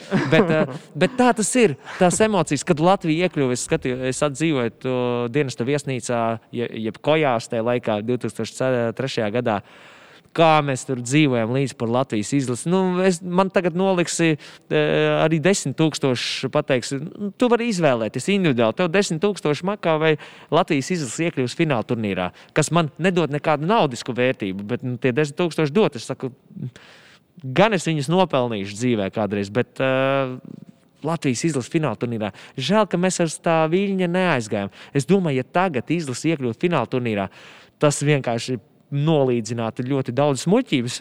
Un daudz kur laukuma tiek sabūvēti, un futbolā būtu tāds starmesis. Varbūt beidzot politiķi arī saprast, ka uh, mums visiem kopā ir ārkārtīgi svarīgi uh, daudz investēt futbola infrastruktūrā, daudz investēt uh, treneros uh, un viņu iespējās, un tā tālāk, lai mums būtu sportiski bērni, kas nodarbojas futbolu. Te nav runa par eliti, vai ne? Mēs sapņojam, mēs gribam, lai mūsu spēle elitē, bet es runāju par masu, par daudziem cilvēkiem, kas, uh, kas ar šo spēli nodarbojās. Uh, mazliet atkāpe, ja, es, ja tā ir taisnība, ko es redzēju Sižetā, ka Somijā ka Šveicē hokejs ir lētāks ģimenei nekā Latvijā, tad veči mums kaut kas te galīgi nav kārtībā. Valstīs, kas ir dārgākas, kur Šveicē es atvainojos, trenerim daudz vairāk jāmaksā naudiņas. Tāpēc, ka tur subsidē, tāpēc, ka saprot, ka sportot tas ir labi, ka vajag, lai cilvēki sporto nevis vēl jau vairāk šādā izaicinošā laikā sēž ekrānos. Uh, nu tad uh, mums ir pilnīgi jāpārlauž domāšana, bet es nezinu, cik tas ātri notiks. Ja mums Latvijā nav sporta ministrijas, mēs esam pabāzti zem Nav, nav runa par kultūru, ka kaut kas slikti, bet uh, dažādā uh, ziņā varētu skatīties. Zem, zem pastāvām mēs esam. Es pats esmu dejojis dziesmu un deju svētkos, super lieta, un vajag to attīstīt, un vajag arī to lietu atbalstīt. Bet sportam ir jābūt daudz centrālākai lietai. Tai jābūt vienai no centrālajām lietām vispār, kas ir sabiedrībā. Ja es aizbraucu uz citām valstīm, kas tie uh, citās valstīs, tie, tie miljoni cilvēki kaut kādi duraki ir ka viņi slimi ir uz futbolu, ka viņi iet katru nedēļas nogalu Old Trafford stadionā 76,000. Kas viņam darīt nav, ka viņi kaut ko nesaprot dzīvē. Viņi iet uz Camp Nou stadionu, tur 80, 90 tūkstoši. Nu, acīm redzot, tur kaut kas ir vairāk tajā visā. Un Vācijā tur reģistrēti vairāk kā miljonus spēlētāju. Tur, boy, tas pat, pat maigi vēl liekam teikt. Tā kā, un, un mēs te kaut ko bakstāmies, es nesaprotu. Mēs vēl spriežam, vajadzētu kaut ko subsidēt, vajadzētu kaut ko atbalstīt. Jo nav runa par to, ka subsidē, lai Edgars bagāts kļūst, vai ne? Subsidē tāpēc, lai ir daudz bērnu, kas nodarbojas ar futbolu. Viņus vada kvalitatīvi treneri. Viņi trenējas kvalitatīvos apstākļos. Un, ja paveiksies, kāds varbūt izaugs par zvaigzni, atbrauks atpakaļ un uzbūvēs stadionu. Ja? Bet ne, ne tas ir dienas kārtībā. Un eh, es dažkārt ar kolēģiem vai draugiem, kad runāju, es saku, es kā futbolists, kurš ir absolūti futbola favorīts, ja man pateiktu Rīgas doma, ka, hei, cik mums pagalmi ir, kur kādreiz bija grozi, visos pagalmos grozus saliekam. Es teiktu, aleluja, super, dariet tā. Futbola vārtu nebūs, nebūs. Okay. Salieciet basketbola grozus, lai visos pagalmos var iet uh, spēlēt basīt kvalitatīvos apstākļos. Domāju, tas baigi daudz no Rīgas domas budžeta prasītu. Nē, nu prasīt jau prasīt, bet uh, es tev nu, pilnībā atbalstu. Piecas grozus nolaustu, bet 25 paliktu. Nu, okay. Man uh, dzīvē sanāca posms, kad es pats dzīvoju nedaudz uh, Minhenē, un uh, tur šāds mini-pitch uh, starp mājām visur. Nu, tur arī ir grozs, gro, grozs katrā galā ir un uh, šāds laukums. Un pilnīgi visur. Es, runāju, visos, es tieši runāju par to, ka nav runa, kurš sporta veids. Es runāju, radiet apstākļus. Jā, nu, jā, jā tieši tā. Un tur, tur viss caur dienu vienkārši bija jaunieši. Visi caur dienu. Visu cieņu ziemas sporta veidiem, visu cieņu kamaniņām, skeletoniem, bobslijiem. Cik tas sporta veids ir pieejams un cik viņš ir dārgs? Viņš ir neadekvāti dārgs par to, ka mēs varētu pagalmos tiešām par to naudu salikt entos, basketbola grozus, salikt futbola laukumiņus mazos un bērni skriet un sportot. Jā, jo nu, šo, šobrīd tas ir forši, kad vajag mums entuziastus, kas arī uztur to sporta veidu. Bet uh, šobrīd entuziasti ir vairāk futbols nekā. nekā nu, tā sanāk, viņi, bet tas ir Lai gan, neloģiski. Cik, cik ir bērni? 90 tūkstoši. Uh, nu, reģistrē, nu, spēlētāji reģistrēti. Reģi, ir, uh, ir UEFA kopā ar Futbola federāciju pirms dažiem pēt, gadiem veica pētījumu, kurā fiksēja, ka 89,000 Latvijas iedzīvotāji regulāri nodarbojas ar uh, futbolu nu, es atvainojos, diezgan zelīts skaitlis. Pieliekam basīti klāt, pieliekam volēju klāt, roķienu pieliekam klāt, riteņbraukšanu pieliekam, uh, skriešanu. Hmm. Nu, tur ir tāda zelīta masa, kurai būtu vērts uh, palīdzēt. Uh, radīt nu, par vieglu atlētiku man vispār ir ļoti žēl Latvijā. nu, man, man sirds raud. Uh, ja, es, es, es, kā, es, pamats, pamatā savu, es tevi mierinu. Kā, es saku tā, uh, Un es, savus, es saku, saku tā, nu ne, nebūvējiet nacionālo stadionu, varbūt um, pa šīku priekšējiem laikiem, bet viegli atlētikai beidzot uzbūvējiet normālu halli. Kuldīgā ir, kur vēl ir, bet es atvainojos, Rīga nevar vienu manēžu rīktīgi uzbūvēt. Nu, kas tas tāds ir? Un, ko tam mēs gribam? Kādas veselības līmeņa? Bet tas stadions arī vajadzīgs. Nu, protams, ka ir vajadzīgs. Bet, eh, ja man jāsaka, nu, tad uzbūvēju to vieglu atletiku, un es būšu ar visām desmit par, un, ja vajadzēs nobalsot kaut kur, mana balss es nobalsošu. Bet nu, atpakaļ pie komentēšanas. Tu esi komentējis viens, tu esi komentējis duetā. Kā tev labāk patīk? Trietā varētu būt. Nē, nē nav, nav bijis trījā. Nu, bet trījā būtu forši? Nē, nē, nē. nē. Tas ir pārāk liels. Viņš ķīsels pa lielu. Uh, Zini kā, es vienmēr esmu atbildējis vienā veidā vai vienā virzienā. Man ļoti patīk vienam. Uh, man ir viegli kontrolēt saturu, ritmu, tempu, uzmanību, faktus, ko es lieku priekšplānā. Un man uh, patīk komentēt divatā, un manuprāt, divatā var nokomentēt vēl kvalitatīvāk, ja veidojas labas saiknes ar komentētājiem, saspēle, ja, kamēr viens skatās ekrānā. Ir virkne tehnisks tāds nianses vai komentēšanas nianses. Ik pa brīdim tu paskaties ekrānā, tur ir maiņa, tur paskaties kādu faktu, kaut kas ir jauns parādījies. Ja? Un, eh, kad tu esi novērsies no ekrāna, man ir bijis dažas reizes dzīvē, ka es novēršos, ieskatos savos pierakstos, lai precizētu faktu vai pārliecinātu, ka fakts tāds, ok, tu ir pateikšu, un skatos, skrien vārti, jēziņi kurš iesita, nezinu, bumba ir vārtos, viss bars kopā skrien priecājas. Un tad, tu, protams, jā, un vārti tā komanda izvirzās vadībā, un tad tu gaidi, kamēr parāda to čali fokusā, kurš tad tas vārds ir iesitis. Nu, tā ir gadījies dažas reizes. Un divi tā tas nav iespējams. Ja profesionāli strādā, jo tad, kad es ieduru acis, vai precīzāk sakot, tagad es redzu, ka kolēģis ieduru acis papīros, es nekur neskatos apkārt, tikai ekrānā. Un, un, un otrādi es ieduru acis uz piecām sekundēm. Jo papīros jau piecās sekundēs var tāls stiens un bāmas un gatavs. Nu, visādi, visādi dzīvē gadījies. Bet, nu, lai neviens neapvainojas, bet tomēr prasīšu tev, kurš ir uh, bijis tavs labākais kompanions? Kurš ir bijis labākais kompanions?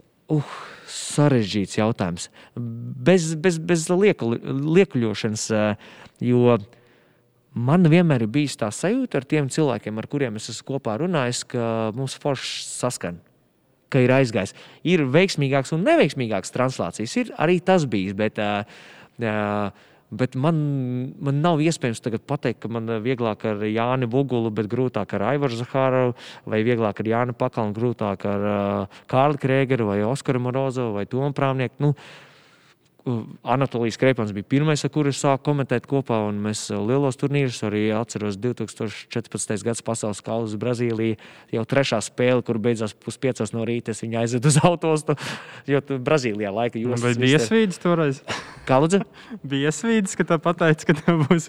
Ka ar Kreipanu būs kopā? jā, jā. Iesvīdis bija ātrāk 2008. gada beigās, kad man pateica, ka Champions League finālā daži jārunā ar Kreipanu. Mm -hmm. Skaidrs, ka tas ir respekts un cieņa pret viņu ir tāds, ka tu klusi sēdi, 5 minūtes runā viņš, tad tu divas teikums, un tad atkal 5 minūtes viņš jau, nu, skaidrs, tur pilnīgi citi līmeņi tajā laikā bija.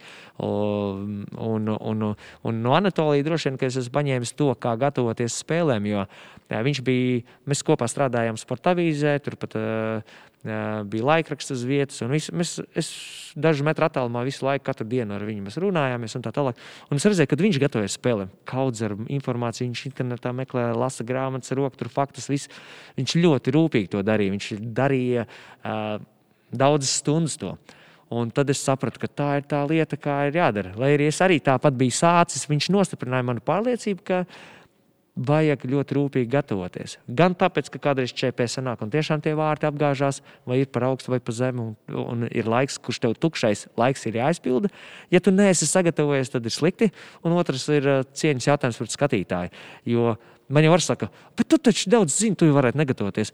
Bet uh, tad es. Uh, tāds gudrs skatītājs ātri atšifrētu. Jā, pirmajās divās, trijās spēlēs nē, tāpēc ka bagāža tiešām ir liela un tu vari visādi izšļūt. Bet es neko, nekad to ceļu neesmu gājis, jo man to patīk darīt, gatavoties. Un es cienu skatītāju. Man gribās katrā translācijā pateikt viņam kaut ko jaunu, ko es kādā citā linkā esmu atradzis, kādā citā mājaslapā, citā žurnālā. Kādreiz bija forši, ka nāca uz TV3 sporta, tajā laikā viesos par Baltiku Champions League žurnālu, magazīns. Tur bija tādas intervijas. Nu, viņas uh, publicēja tajā žurnālā, un tu, tu žurnāli tirgoja par labu naudu. Un mums, kā broadcasteriem vai translāciju nodrošinātājiem, pircējiem, bija ekskluzīvi sūtīto žurnāls. Es viņus visus, man ir kas vēl nenormālā. Ja kāds domā, kur pazūd tie žurnāli, viņi pie manis visi ir uh, kompānijā. Un uh, tur tik garšīgas lietas iekšā. Nu, tagad, kad es biju pirms, tieši pirms pandēmijas, aizbraucu uz Champions League sastādē fināla spēli uh, Liverpool Madrids Atletico, nopirku Liverpoolas žurnālu. Un tur arī Andrews Robertsons tur intervijas. Un, man liekas, Robertsonam bija interesants tāds fakts, kāpēc 26. numurs. Viņš saka, nebija īpaši iemesls, kāpēc 26. numurs man uz krekla. Pēc tam 26. Numur, datumā viņam bērns piedzima vēlāk. Kas, kas simboliski savijās kopā trāpījis to numuru. Kā, nu, tas ir stāsts, ko tu nu, Wikipēdijā neizlasīsi, nekur internetā īsti neatradīsi. Tas būs tieši tajā konkrētajā žurnālā, intervijā, kur viņš to ir pateicis. Tā, ja? tā kā interesants lietas, un man patīk pabarot skatītājus ar šādām lietām. Kaut kas citādāks mazliet. Nu, tā kaut kā. Nu, kaut tā kā tu esi dzinieks. Pirmais puslaiks tūlīt beigsies. Jā, tā kā tu esi dzinieks. Tā kā tu esi dzinieks. Uh, Es sagatavoju, īstenībā, baigi negatavojos. Paņēmu pirmo grāmatu, kas bija, atvēru pirmo lapu un kaut kā sagadījās. Man liekas, ka bija, būs diezgan labs tieši dzējolis. Mm -hmm. Vienkārši dzējolis, vari viņu nokomentēt. Nokomentēt tā, kā tas būtu teksts, ko runā tiešraidē. Man tagad vajadzēs lasīt, un tiešais veidā. Tas ir moments, un tu, tu nu, labi, mēģināsim par momentu. Wow, šī... Bet ar šiem vārdiem. Starp citu, jā, Līja Brīdaka septembra tembris atsau, atsauce, lai ir. jā, kā... brīnišķīgi. Uh, šādu jautājumu man arī neviens nav uzdevis. Es būtu durvis paņēmis. Nē, man ir durvis. Uh, Līja brīdī, ka esmu šo autori noteikti simtprocentīgi vārds uzvārds dzirdējis, bet uh, neko nezinu no viņas eh, brīnišķīgā stāstā. Uh, visam garām vai dienas vidū? Garām, garām, kur bija garām. Tur vienkārši garām. O, šis, šis vēl man nav bijis. Uh, labvakar visiem, kas ieradušies hallē. Īpašs veltījums visiem viesiem. Uh, visam garām. Bet tādā stilā, it kā es komentētu spēli. Ja? Jā, jā, moments. Tas ir moments. Tā skaļi nesmieties. tā, tā, labi. Tas nu gan ir viens brauciens pār ceļu, iztraucētas stirnas skrien no meža kārta līdz un pamāja mums pretī purenes caur paliem brien. Mums pakaļ noskan gausa stārķa sauciens, tur vīri sarunājas sanākuši barā un mēs tik visam garām garām. Bet bites medu iznēsās pa mājām, drīz kārkli noziedēs un mežā pazudīs. Ies bērni zemenēs un ar basām brūnām kājām, būs stirnā mazuļi un attālā augsts lieli. Nu kā, kas ir brīnumainā viela un kas ir tas, kas dzen mūs visam garām? Kur sadīgs vārdi tie, ko izsējām pa vējam, cik daudz mēs iegūstam un cik daudz pazaudējam? Izklausījās, bija viņa pēc mācītāja. Jēziņ, es, uh, izklausījās pēc kā? pēc tāda mācītāja, sludinātāja. es, eh, man nebija versijas, kā šo bliest, jo vienkārši tu lasi, tu kā nokomentēt, tu to nevari. Tad tu kaut kur mētājies ar to, kā varētu lasīt skaļi ar izteiksmi, un tad beigās tas pilnīgā mežā, un tur bija rakstīts garām. nu, tā, Nā, nākamreiz, kad tu, ja tu atbrauksi, mēs to tur cik gribējām tiešraidē arī. Es noteikti atbraukšu. Ja tu kādreiz tiksi, tad es tev varētu savā paņemt, man liekas, kaut kādu. Uh, repa izpildītāji un viņa lirikas. un tad es, to tu varētu Es varētu nomaut. spēles pārtraukumā lasīt zējumus, piemēram. Tas nevienā futbola stadionā, man liekas, pat Eiropā vēl nebūs noticis. Uh, tu teici to, ka tu nepar, nefano par uh, nevienu klubu, mm -hmm. tu fano par futbolu, bet uh, saki, jā. ko gribi, es tev neticu. Tev ir taisnība, jā. Uh, saki, lūdzu, kurš ir tavs favorīts? Zini, kā man viegli vienmēr izšļūt, jo tas tā tiešām ir. Man ir uh, divas super mīļas komandas. Viena komanda ir uh, Latvijas izlase. Nu, stās, stāvi. Nu, izlases līmenī, jā. jā. jā. Un klubu līmenī tas ir FK Albets. Nu, tā tas ir. Nu, tur es nu, neko tur nevaru pagriezt. Un tad man ir personības, kuras man fascinē futbolā, kas, kas kaut kādos brīžos uh, mudina uzsist uh, nevis uz pleca, bet ka patīk tas futbols. Piemēram, tas, kā Vienu brīdi spēlēja Madrids Reāla video līnija. Kazemīru un Modričs Kross, kad viņi bija. Viena sezona bija fantastiska, kā viņi spēlēja. Kā spēlēja Napoli, uh, Mauricio Sarri, nē, paga, paga, kurš, kurš bija tajā brīdī treneris. Kad Kavani spēlēja uzbrukums mailē, Hamšīks spēlēja, mm. Laveci, trijo tāds, kad viņam bija trīs centra aizsargi un malē pusē sargi. Tu vienkārši fano par Napoli tajā brīdī. Ja? Uh, Romā Totī, tu vienkārši ar to personību, Zlatans, kur viņš iet, tev vienkārši patīk tā viņa pārliecība. Uh, Messi, Kristiāna Ronaldu, viņi vienkārši ir čaļi no citas planētas. Zin, kā mēs tā sakām, jau apnicis banāli, bet tas ir nu, tik iespaidīgi, kā viņi spēlē. Un tad skaidrs, ka tev patīk, tev brīdī, kā spēlē Argentīnas izlase, tev patīk, kā Portugāles izlase spēlē. Tāpēc atkal, nu, redz, es atkal novirzījos, bet principā man atbilde ir tā, ka es tā kaifoju no, par to kvalitāti, kādu viņi rāda, ka es, man, man neinteresē, kur komanda. Tāpēc finālā arī Chelsea vai Manchester City man pilnīgi vienalga, kura vinnē. Nu, tā, ka pilnīgi vispār nulle simpātija. Bet, tā, kad tu baudi to futbolu, tev tas nav svarīgi. Ja? Tā kā, nu, tas ir tas, ko tev atbildēju. Nu, bet tev nekad nav bijis tā, ka tu pieķer sevi pie to, ka tu komentē, un tu pieķer to, ka tu jau ej uz vienu pusi. Uh, man ir dažreiz tā, ka es uh, acīm redzami bez, uh, bez kautrēšanās atbalstu komandu, kas ir vājāka, un ka viņi Sheffieldi šodien bija laba spēle. Sheffield vai Manchester United, man šķiet, 31. janvāris. Sheffielda pēdējā vietā tabulā, pilnīgā pagrabā, skaits, ka lidos ārā. Uh, un viņi spēlē Old Trafford stadionā, un viņi reāli iesit golu. Man reāls prieks par to. Kā, nu, super pastarīts un tā tālāk. Manchester, uh, Magvairs, man liekas, iesit atpakaļ, bet Sheffield vinēja to spēli 2-1. Manchesterē pie ilgiem laikiem tā bija uh, vienīgā zaudējuma. Man patīk arī, kā Manchester spēlē, bet tajā brīdī, nu, forši, ka uh, futbolisti, kuri ir nolemti, var teikt, izkrišana no elites, ka viņi, viņu raksturs ir tāds, ka viņi nepadodas, viņi sitās līdz galam, un tā spēlē viņi reāli spēlē labāk, lai arī pēc ranga, pēc statusiem, viss tur vienos vārtos, zin kā. Nu, Nu, tad kādreiz tā ir, bet es domāju, ka skatītājs jebkurš sapratīs, ka tas ir nu, aizstāvama vājāko. Un, nu, tāda cilvēciska lieta, vai ne? Bet, jā, es, pirmajos gados, kad varbūt patīk, es nezinu, vairāk patika varbūt Liona vai Bordeaux vai Lille, kad Edens Zārs spēlēja. Es komentēju spēles, kad viņš bija 17 gadīgs čāls, un viņš bija Līlis jau līderis, kā viņš spēlēja. Nu, kā var Lille nepatikt? Mavu Bā vai ne Balmons vai ne veterāns vai Dragāja, Kabai. Nu, nu, tur, nu, Kabais, nu, tur, nu, tu, tu nevari citādāk to uztvert. Tu skaidrs kaut kādas simpātijas rodas par to komandu, vai ne? Tāpēc prieks par Lielu īstenībā, kas atkal izcēla pēc uh, ilgāka pārtraukuma. Ne, bet nākamajā gadā laikam atkal būs. Tā arī ir brīvība. Būs atkal nu, zemāk. Būs. nu, pārdos spēlētājs uh, un uh, Tā, tas ir tāds normāls process tādām mazākām komandām. Es negribu saukt Lielu par mazu komandu, bet uh, Parīzē nu, kādam aizejot, viņi nopērk līdzīgi kaut kādā vietā. Iedzīvotāji, cik liela ir? Tā cik... ir savā ziņā maza. Nu kā, nu tagad Bildi reāli uzvarēja UEFA Eiropas līgā, bet nu, 50 tūkstoši iedzīvotāji. Nu, nu, nu, nevar sacensties. Tas tāds cikls, laikam, viņiem ir tiem klubiem. Jā. Ir, ir. Labi, parunāsim par uh, federāciju. Tur tu esi uh, strādājis kā PR vadītājs. Vai tas, vai, no, tas, PR, tas, PR ir... tas skan nu, pa saldu vai kā. Uh, Tajā laikā tā saucās komunikācijas nodeļa. Un es atceros, patiesībā tur ir pat vairāk. Es, kad atnācu, bija doma, ka es būšu PR šefs. Es teicu, saucam šo par komunikācijas nodaļu, jo mūsu mērķis ir mazliet cits. Mūsu mērķis nav pieliet cukuru ausīs un tā tālāk. Mans mērķis ir, lai futbols sasniedz vairāk, lai mēs esam ļoti sasniedzami arī no otras puses, kad medijiem vajag un tā tālāk, kad skatītājiem. Es izveidoju, piemēram, tajā laikā labās sirds stūri futbola dāvinu, ko man neviens nelika. Pats izdomāju, futbola federācija bija buči resursi, un es braucu pa Latviju uz maziem miestiem.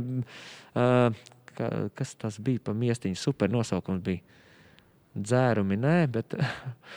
Oi, baigi forši bija. Gaujas rēveļi. Es uzzināju, ka Latvijā ir gaujas rēveļi. Aizbraucu uz, uz vietu, kur bērns ziemā iznāk burtiski basām kājām ārā. Nevis tāpēc, ka ai, rudīšos, bet tāpēc, ka nav. Nu, mēs uzdevām jaunas bučas, uzdevām bumbu. Viņš turpat pa sniegu arī dragā ar savu fanātismu. Un es pa tādiem miestiem visu latgali pārgriezām tur cauri arī Gaujas Rēveļa vidzemē. Vēl.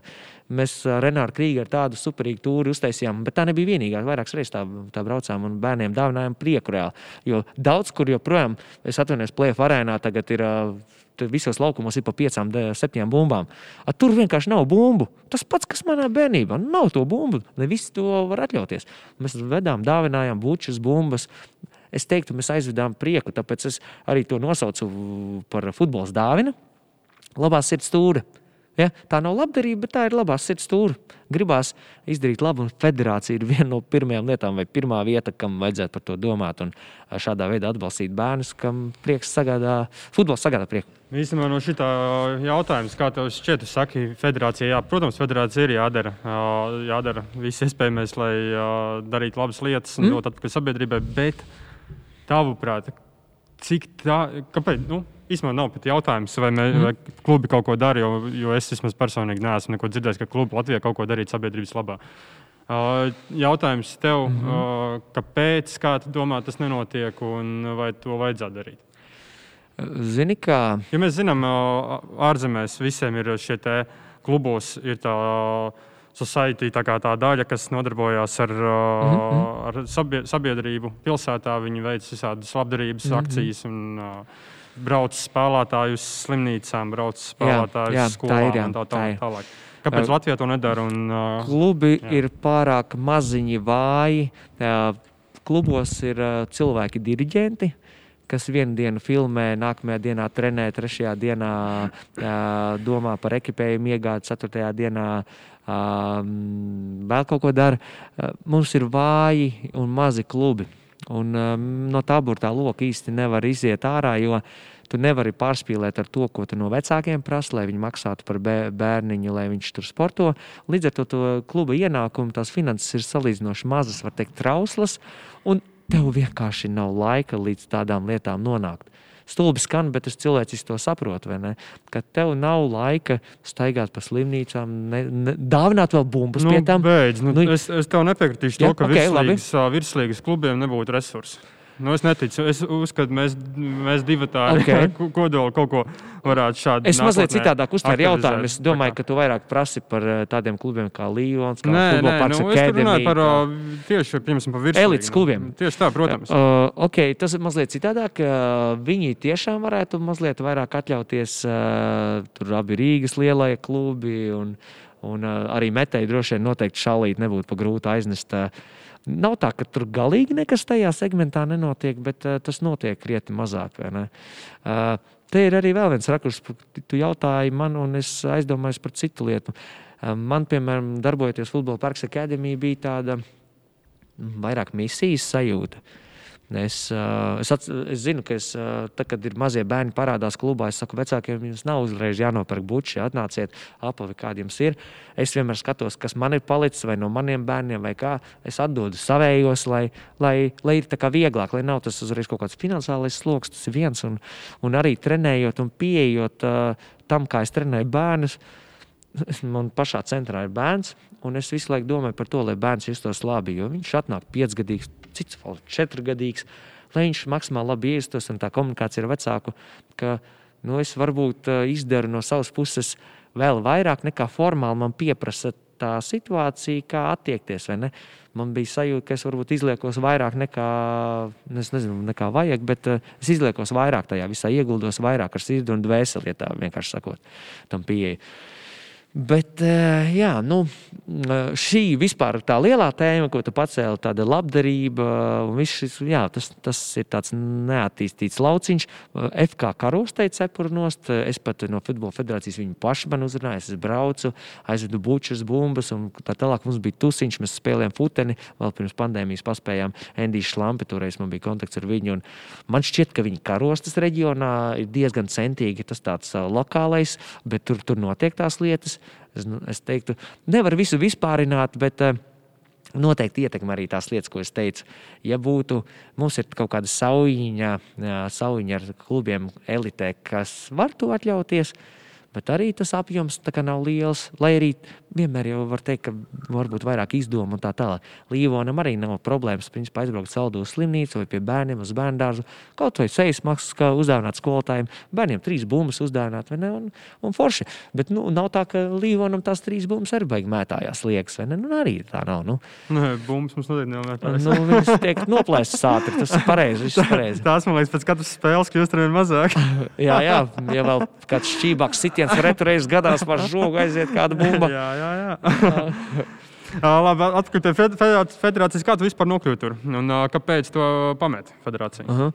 Ui, tā, cik man ir tagad sākās uh, papildinājums, pirmās 15 minūtes. Ja? Uh, bija tā, ka toreiz uh, federācijas vadība man uzrunāja, un es teikšu, godīgi, es diezgan ilgi domāju. Uh, kāpēc es izvēlējos un kāpēc es aizgāju? Uh, es aizgāju tajā laikā prom no uh, sporta avīzes, tāpēc ka es sapratu, ka tā man ir iespēja būt vēl dziļāk futbolam un izdarīt kaut ko labu futbolam. Tas ir viens, un tāpēc es to akceptēju.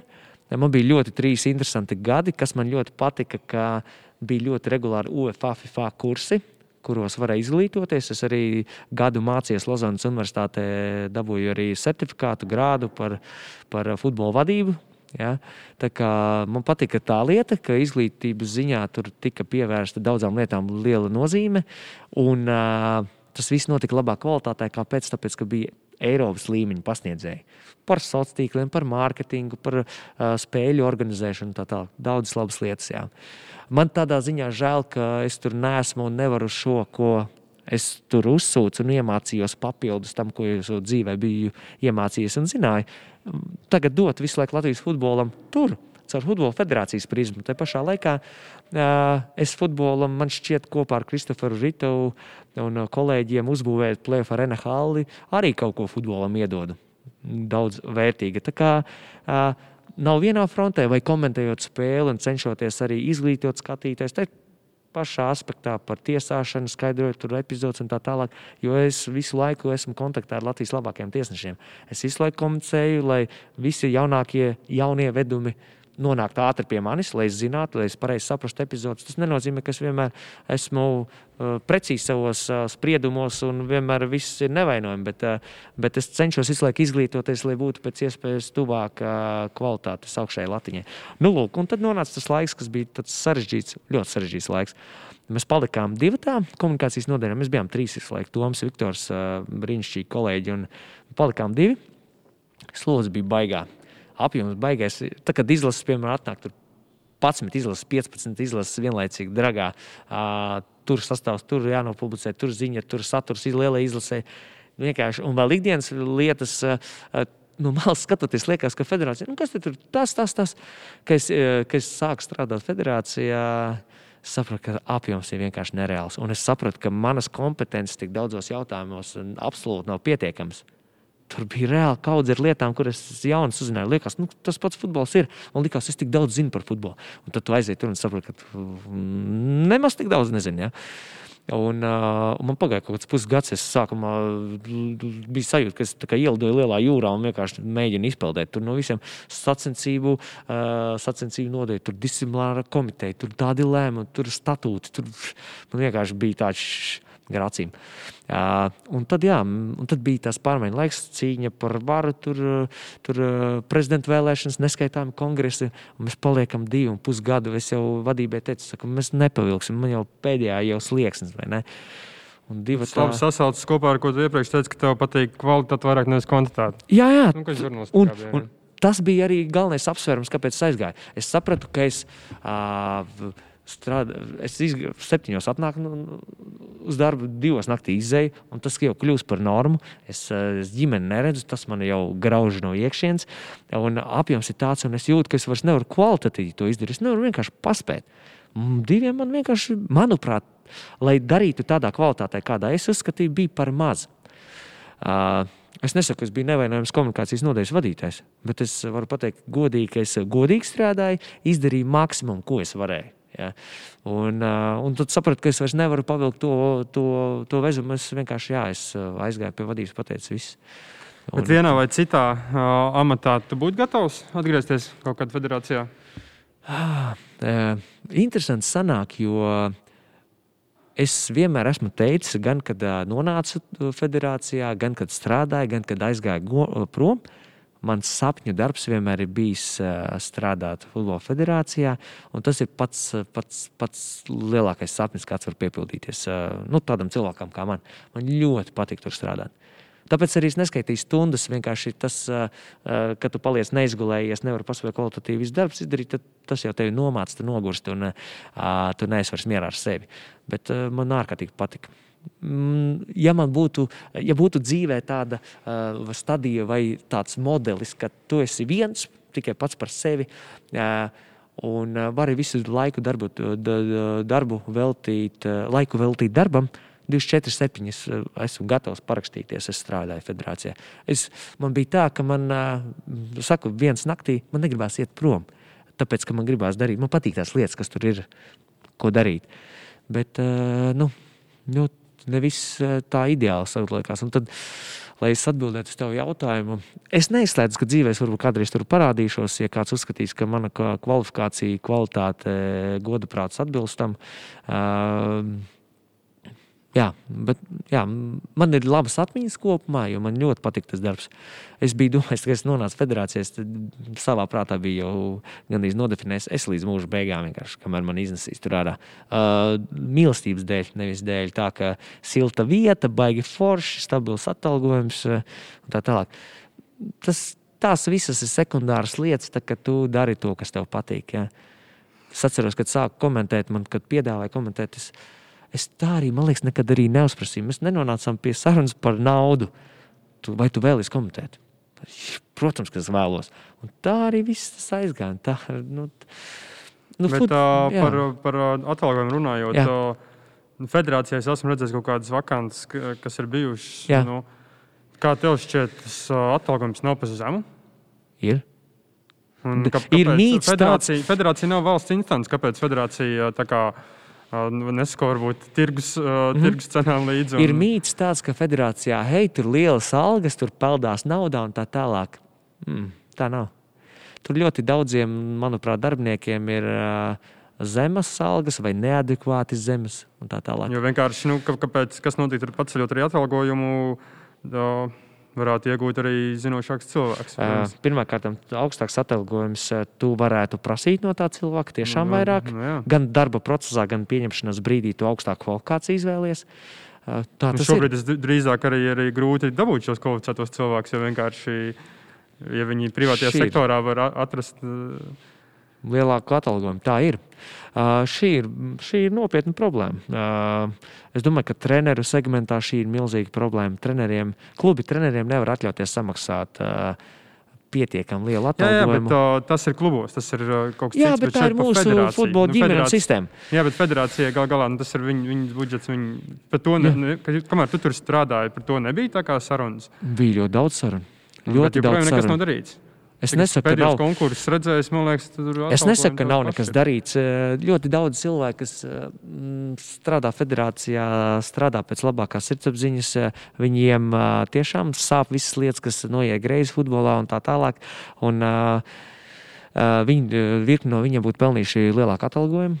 Es, es kad pastrādāju kopā ar tiem cilvēkiem, es saprotu, kas ir apjoms, ka daudziem ir sestdienas, svētdienas, viņi nav, viņi strādā. Bet, mm, Viņa saka, līdz diviem naktī strādā.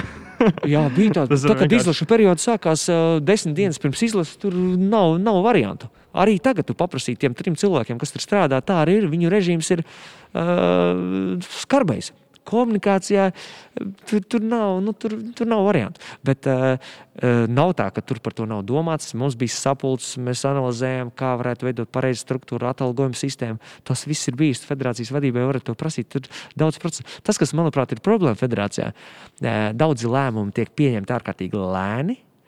Ļoti, nu, paiet no tā brīža, kad sāk par to runāt un redz, ka tur ir problēma un viņa jāatrisina līdz atrisinājumam. Uh, paiet ārkārtīgi ilgs laiks, pārāk daudz par ilgu laiku, un bieži vien līdz turienei nenonāk. Tā ir problēma.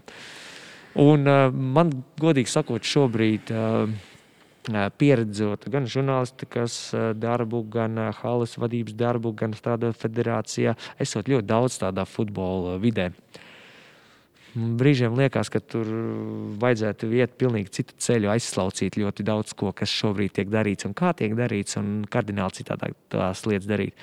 Atgriežoties pie bloka, par kuru mēs runājām vienu brīdi atpakaļ, kas tad ir tas svarīgākais futbolā, lai futbols attīstītos? Skaidrs, ka izglītoti treneri, infrastruktūra, paši bērni. Uh, Cik daudz mēs tagad masu futbolā ieguldam? Vispirms uzaudzējam masu, un tad varbūt, uh, nu, kā nevis varbūt pēc tam ceram, ka izaugs kvalitāte. Jo skaidrs, ka elites līmenis arī jātur, un tur vajag investīcijas un tā tālāk. Nu, tur jau Bet, manuprāt, masu, par maz, par maz, par maz, par maz tiek likts akcents uz to, lai pagalmos spēlēt futbolu, lai plēsoņu arēna būtu pilna, lai visas citas halas, kas ir, visi laukumi būtu maksimāli pilni, lai maksimāli daudz. Visas sportu. kuras. Nē, nu labi, tagad eh, par, nu, jā, angļu humors. Un kāpēc mums viņi nav? Vai uzbūvēt vairāk halas, mēs uh, liktu galdā vairāk argumentus par uh, vairāk futbolistiem? Es domāju, Liepājā, jā, Daugopilī, jā, Rezeknē, jā. Es domāju, ka jā. Ja ziemā viņiem būtu futbola halē jāmīcās, uh, labā nozīmē nevis jāmīcās sporta zālē, un vēl Andris Vaņins, kur viņš ilūkstē trenējās, kādos apstākļos, Žigājos, Nu, iet uz lauku un maut. Viens, ne, tas pat ir veselīgi. Es tam citu. Tavos pieminētajos saukrastos es visu bērnību atceros, pavadījām tā saucamā kartupeļu lauku. Protams, vidusskolas bija vienkārši smilšs, kas te nevis. Ir tikai zāliens. dažas lietas, ka šobrīd ir mazliet citas prasības. Cepurnos, piemēram, es domāju, Līonu varam tāpat slavēt kā futbola parku. Es vienkārši redzēju, ko futbola parks darīja visu ziemu. Visu ziemu mīnus desmit, visi bērni trenējās. Arī četrgadīgie, piecgadīgie. Super! Ārā svaigā gaisā. Bet tas nenozīmē, protams, to, ka uh, treneris tur četras stundas ar lāpstu vai, pēc, vai traktors uh, tā. Bet kāpēc, lai uh, ārā nebūtu viens vai divi treniņi un iekšā šādos apstākļos, kāda ir plēsoņa arēnā, piemēram? Ļoti kvalitatīvs sniega nav, laukums nav sasalis, un tu vari strādāt uz tehniku un tā tālāk. Nu, ja gribās tur to vēl. Un arī mazie paši bērniņi, vai ne?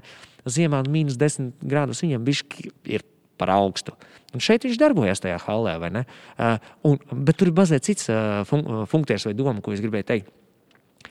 Ja ir vecāks, kurš, kuram ir četrgadīgs bērns, un viņš grib, lai, vai piecgadīgs bērns, kurš grib, lai sportot, viņš vedīs futbolā, vasarā foršu putiņu, dzied, spēlējumu. Ir kartupeļaugs, nav kartupeļaugs, nav svarīgi. A ziema, augstā lietus, labi, lai viņš iet to basketbolu. Nav problēma par to, bet futbols, no futbola skatu punkta mēs pazaudējam jūru ar bērniem. Tā periodā, jo vecāks saprot, nu es taču nelaidīšu viņu tagad augstumā, lietu, vēju, drāņus vai ne. Bet pretī ir infrastruktūra, kur viņš ātri aizstāv, viņš nonāk labās uh, uh, hallēs, kvalitatīvos apstākļos. Neko neizlaiž, un 12 gadu, mēnešus gadā darbojas kā vajag. Tā kā jautājums man paliek tas pats vecais akcents uz masu futbolu, kā viņš izpaužās, kā mēs uh, caur futbolu piesaistām cilvēkus, viņi sporto. Atcerēsimies pašā sākumā. Tev bērns būs, uh, man bērns būs, uh, citam bērns būs. Mēs gribam, lai viņš priecīgs sporto. Mēs taču, ok, kāds varbūt sapņo, ka mans piecgadīgais būs mesi. Lai sapņo, lai sapņo. Bet pirmkārt, viņš līdz 20 gadiem, kamēr viņš varbūt kļūs par mesiju, būs 15 gadus veselīgs sportojis, skraidīs apkārt, svaigā gaisā, telpās, vienalga, bet kustējies. Ja? Ka mēs nodrošinām, ka mēs veicinām tos apstākļus. Nu, tas ir svarīgi. Un, man liekas, tas ir segments, kas iztrūks tagad futbolā Latvijā. Nu, diemžēl, ne, diemžēl nu. bet tu, tu pieminēji pirms tam, ka uh, pagātnes formā teica par uh, futbolu, mm. futbolu nu, akadēm, akad, futbola parks. Nē, nav pagātnes forma. Noteikti nē. Joprojām trenē. Mēs, jā, jā, jā. Nē, es, à, es, jā, es jā. pateikšu, es tagad esmu paņēmis uh, uh, pauzi. Mm -hmm. Kāpēc? Tāpēc, ka uh, pagājušajā gadā es jau izmācījos, nokārtoju C licenci, dabūju licenci, strādāju ļoti aktīvi. Man ļoti patika, ļoti patika un patīk ar bērniem strādāt. Uh, Bet uh, gadu mijā es nonācu pie secinājuma, ka man to apvienot ir ārkārtīgi sarežģīti.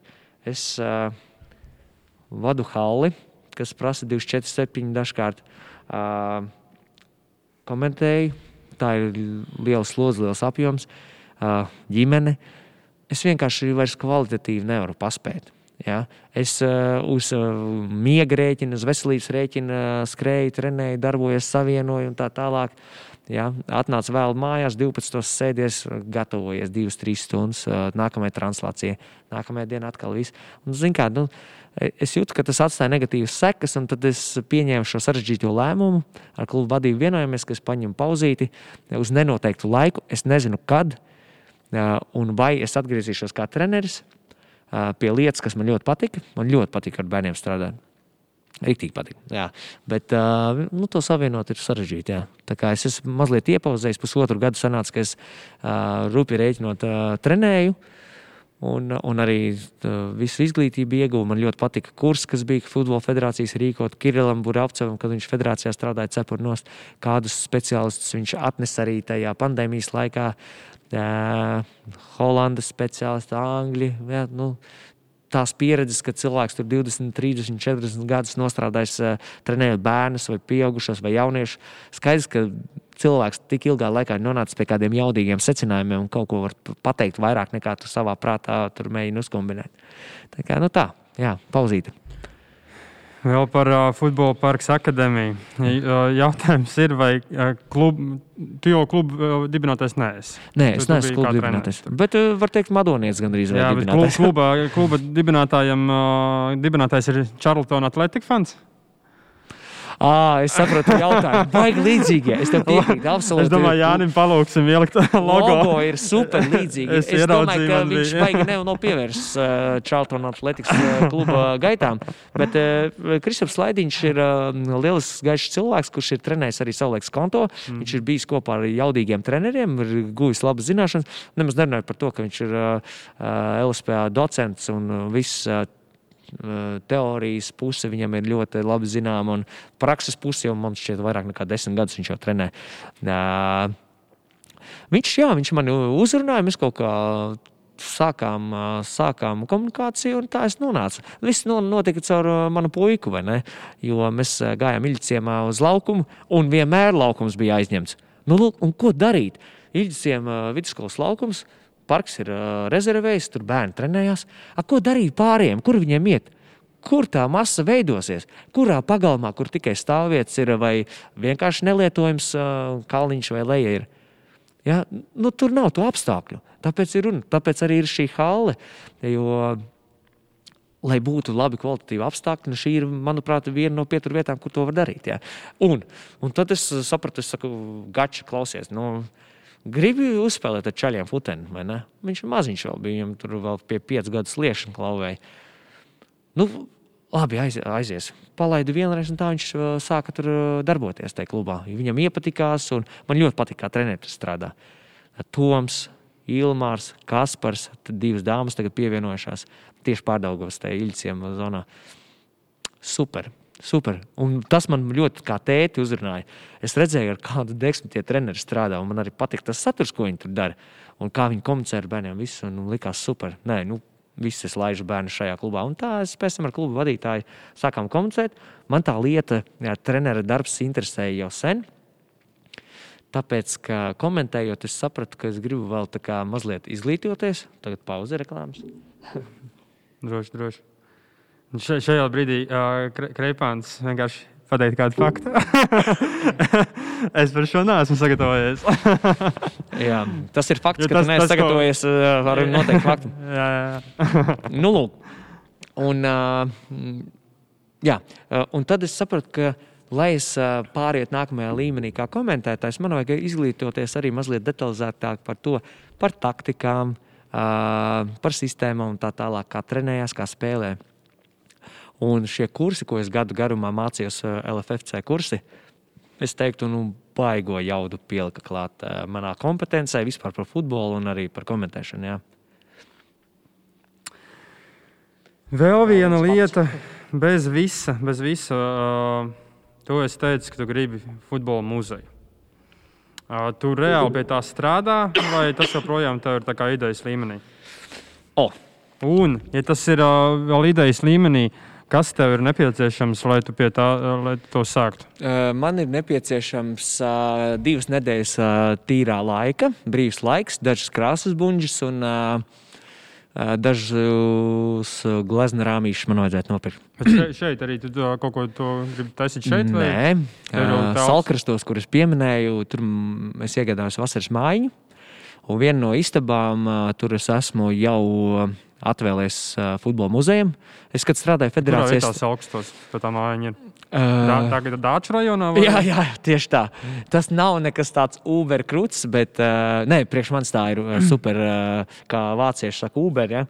Uh, nu, super vieta. Uh, man sapņu vieta šobrīd, pēdējā laikā. Uh, tāpēc, ka tur bērni var spēlēt futbolu. Uh, visi kaimiņu bērni sanāca tagad pēdējā nedēļas nogalē. Vēl visi kaimiņu bērni. Būs vēl vairāk. Viņam. Tur, tur, nu, tur vajadzētu būt. Uh, katrā ziņā, ja apkārtēji kaimiņi kādreiz domā, ot, mieriņā pasēdēšu, pacepšu gaļu.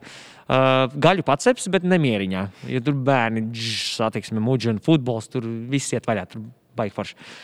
Ja man bērnībā būtu bijis tik daudz kaimiņu, kas spēlē futbolu, uh, tā tas ir viens. Bet, ja nopietni, viena istaba ir atvēlēta futbola muzejam.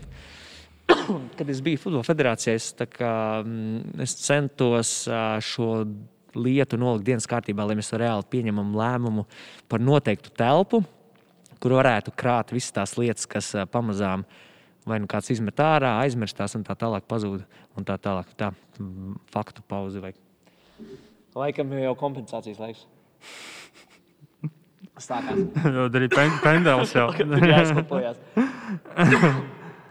Izrunāja. Mm, otrā spēle sākās.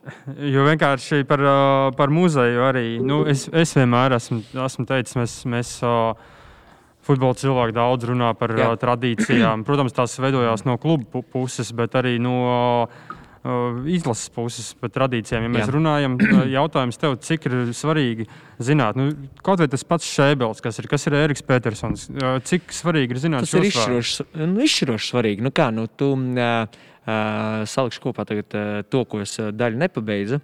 Tātad uh, man ir istaba, kurā es esmu aizvedis uh, daudzas kastes ar futbola lietām. Man ir savākti bukletiņi, grāmatas, uh, dažu uh, kolekcionāru vai futbola fanātu atdotās lietas, lai viegli smiltis Walteram Nikanam, Ojāram Bušam. Ir lietas, ko viņi ir atstājuši un kas ir kaut kāda daļiņa ir pie manis. Futbola federācijā es rīktīgi centos, lai man iedod vienu telpu, un es tur varu droši likt, turēt, glabāt. Jo manā skatījumā šobrīd svarīgākais process ir uzglabāt, uh, sakrāt. Jo tad, kad būs nauda un varēs uztaisīt foršu futbola muzeju, bija Manchesterā, Anglijas futbola muzejā, pilnīgs kursteņa noraunos. Fantastika, vienkārši es tur varētu dzīvot. Un, Nākamreiz ieradīšos ar dīvānu un palikšu tur. Tik forši tā vieta. Iedomājieties, es aizbraucu uz muzeju, otrajā stāvā uzkāpju, un tur ir um, veterāns vai kas, es nezinu, stāv uz galda kaudzē ar bučiem, rindā sala kaudzē, nē. Un tur ir 1926. gada buči. Nu, jā, un tu vari paņemt viņu apšaudīt, jēziņ. Nu, man tas bija reāls kaivs, vai ne? Tik krūta, tu paskaties, kādi tie buči bija. Un tas ir tas, kas kā mums nav. Nu, kā, nu, tas ir baigi banāli. Ja ne, nezinās vēsture, nebūs nākotnes un tā tālāk. Bet, ja tu nezināsi, kas ir Petersons, ja tu nezini, kas ir Šeibels, ja tu nezini, kas ir Verpakovskis, Pakars, viņi lielas lietas ir izdarījuši. Ja? Un iedomājieties, ir Latvijas futbola muzejs, un tur stāv Anglijas Premjerlīgas čempiona medaļa, ko izcīnījis Igors Stepanovs. Nereāli krūta. Tas bērns aiziet, paskatās, Eju, mums ir bijis Anglijas čempions. Ai, es visu laiku fanoju tur par Vēju Rūniju vai tagad, nezinu, Kevinu De Bruyni. Eju, es arī gribu. Un zini, kas būtiskākais? Viņš redz to medaļu. Latvijas futbolists to ir izdarījis. Viņš to var izdarīt. Tātad tas bērns, kurš šeit trenējās, vai vienalga, kur Līvona klubā, parkā, plēfa arēna, nu, nu vienalga. Viņš var to sasniegt. Tas viss ir iespējams. Es arī bērniem vai jauniešiem, kas man prasa, saku, veči, ja jūs gribat, jūs tur varat būt. Un tātad es eh, šobrīd uzvācu kaut kādas lietas. Futbolisti izlases spēlēt arī, zinu, ik pa brīdim kādam spēlētājam, kurš ārzemēs spēlē, saku, ja tev nav grūti un ja tev ir krekls tur, es nezinu, Sionā, nu atved man viņu, ja tu, ja tu vari. Es viņu noglabāšu, un tad, kad Futbola federācija izveidos muzeju, es visticamāk visu savu kolekciju uzdāvināšu. Man pagājušajā gadā piezvanīja no Liepājas nezināms kungs ap 60 gadiem, nezinu, pieļauju. Viņš saka, klausies, aizgāja mūžībā viens cilvēks, viņam ir kastēm, futbola pieraksta ar rokām, pasaules kausi aprakstīti un tā tālāk. Mēs tā ārā apmēram, vai ko darīt. Viņš saka, es zinu, tu man nepazīsti, bet es zinu, ka tu komentē futbolu un tev tā lieta patīk. Okay, nu, pēc eh, pāris nedēļām viņš bija Rīgā. Mēs satikāmies, viņa pārkrāva uz manu mašīnu. Tagad tas viss ir salkrastos. Es to visu glabāšu. Šobrīd mans mēģis ir. Kad man būs laiks, es to istabu sakārtošu, izkrāsošu, un, un tur būs krekli pielikt pie sienām, tur būs skati jau savesti, tur jau skati jau man ir. Uh, salikt bukletus, grāmatas, futbola, visu kaut ko, kas saistās ar Latvijas futbolu. Uh, Kristēns Tobers man teica, ka Bučs uh, iedos savus no vēl no liepājas laikiem. Jo Es ticu, ka Kristers Taubers būs liels vecs futbolā. Un es ka īstenībā varētu, zināt, ko dot. Uh, FK Alberts, uh, jauniešu maiku 2004. gada. Nopietni, vecīt, uh, laipni lūgt. Un šādas lietas arī šī līvona sejas maska droši vien nonāks uh, tajā muzejā. Bet es domāju, atgādini, es tev varētu. Es visu laiku domāju, kur savas bērnības maigas varētu likt kaut kur jāpie, varbūt jāierāmē, bet Zini, ja, kaut ko tādu veidot, tas ir. Jā. Man viens uh, foršs draugs Jānis uzdāvināja uh, splitas haiduka verpakauska kreklu. Mārim pašam pat tāda krekla nav. Mm -hmm. Man viņš ir. Un es, es gribu visus tos kreklus sarām uh, ierāmēt, lai viņi sa saglabājās labi. Man ir vieni buči, kurus man uh, uh, iedeva Ulris Strautmans, mm, žurnālists Delfu es teiktu, kaut kāds 1970. gads dzelzs, rītīgi mm. āda, pat vecāka varbūt. Nereāli kruta. Un pasaki, cik Latvijā cilvēkiem ir tādi buči? Un vai federācija nav tā, kurai pirmai vajadzētu par to uztraukties un to visu uzglabāt? Nē, tas ir tas, ko mēs Pirms šī ir nu, redz, un, kā, nu, es ne, nekrāju to visu priekš sevis. Es tiešām uh, domāju, ka vienā brīdī, kad federācija uztaisīs muzeju, es savu kolekciju pārvadīšu. Bet man šobrīd ir sajūta, ka man ir vairāk, un daudziem citiem Latvijā cilvēkiem ir vairāk lietu, vērtīgu, kas atspoguļo Latvijas futbolu un tā vēsturi, nekā futbola federācija. Tas es negribu tagad tur kādu pie kaunas stabas sist. Vienkārši ir prioritātes, līdz šim neatrod to prioritāti. Man, bet, manuprāt, nu, nepamatoti. Ja? Tā kā, tā kā skatītāji, darbie, klausītāji, darbie, ja ir, ir jums kaut kas saistīts ar futbolu, kas jums vienkārši stāv putekļus krājā. Uh, sazināties ar Ilveru. Un, jā, man visur var atrast sacīklos, vis kaut kur. Uh, tā kā jā. Tā ir, jā. Un par šo vietu, par šo vietu beidzot. Nu, o, jā. Kā tu tiki ievilkt šajā projektā? Es zinu, ka tu jau stāstīji to, bet uh, pastāst arī mums. Nē, nav problēma. Šis ir, manuprāt, labs stāsts, tāpēc, ka šis ir piemērs, kā ļoti ātrā laikā var tapt fantastiska vieta un ļoti vērtīga futbolam, futbola attīstībai, izklaidēji, atpūtai un tā tālāk. Kristofers Ritovs, Halas īpašnieks, mani uzrunāja pirms dažiem gadiem, kad strādāja Futbola federācijā. Viņam viņa draugs bija pateicis tā, viņš prasīja, ar ko es federācijai varu satikties, lai nav tā, ka man atšķiras uzreiz. Un tas draugs viņam pateica, es tev saviem iedošu Iloru telefonu, viņš parasti atsaucīgs un satiekaties, aprunāsieties. Tā arī notika. Man piezvanījies, saka, Kristofer, ok, atnāc ciemos, mēs satikāmies pie Futbola federācijas kafejnīcā, aprunājāmies stundu. Un viņš saka, nu, es varu satikties ar Jānu Mežetsku, tad Jānis Mežetsks vēl bija ģenerālsekretārs. Uh, es saku, ok, es tevi savienošu, viss nav problēma. Un tad Kristofers ar viņu satikās. Es nezinu detaļas, vairs, ko viņi runāja un tā tālāk, bet Kristofers toreiz bija runājis par to, ka viņš redz iespēju, ka Latvijā varētu uh, būvēt šādu halli. Tad viņš atgriezās vai turpināja savu darbu Eiropā. Viņš Francijā strādāja diezgan daudz uh, mājas būvē un tā tālāk. Uh, un tajā 17. gadā viņš saprot, ka īsti neatrada telpas, kur to varētu realizēt. Un tad viņš iepauzējās tas projekts. Un tad 2020. gadā pavasarī Kristofers man zvana. Viņš saka, klausies, Ilora, gribu tevi satikties vienu lietu runājumu. Satikāmies, viņš saka, būvējam halli. Tik vienkārši. Es saku, ok, darām tā, ka strādājam kopā uz papīra, saprotam, vai varam sastrādāties, kas mums sanāk un tā tālāk. Un ejam tālāk. Un tā arī ir, ka mēs pastrādājam citīgi kopā. Un, uh, Un, un dažos mēnešos, var teikt, uzbūvējām halli uz papīra. Es teiktu, tā, ka Kristofers, protams, bija milzīgi apjoms izdarījis, izpētījis, eh, kāds var būt, kas un kā eh, budžets rēķinās un vispārējo, eh, meklējis telpas un tā tālāk.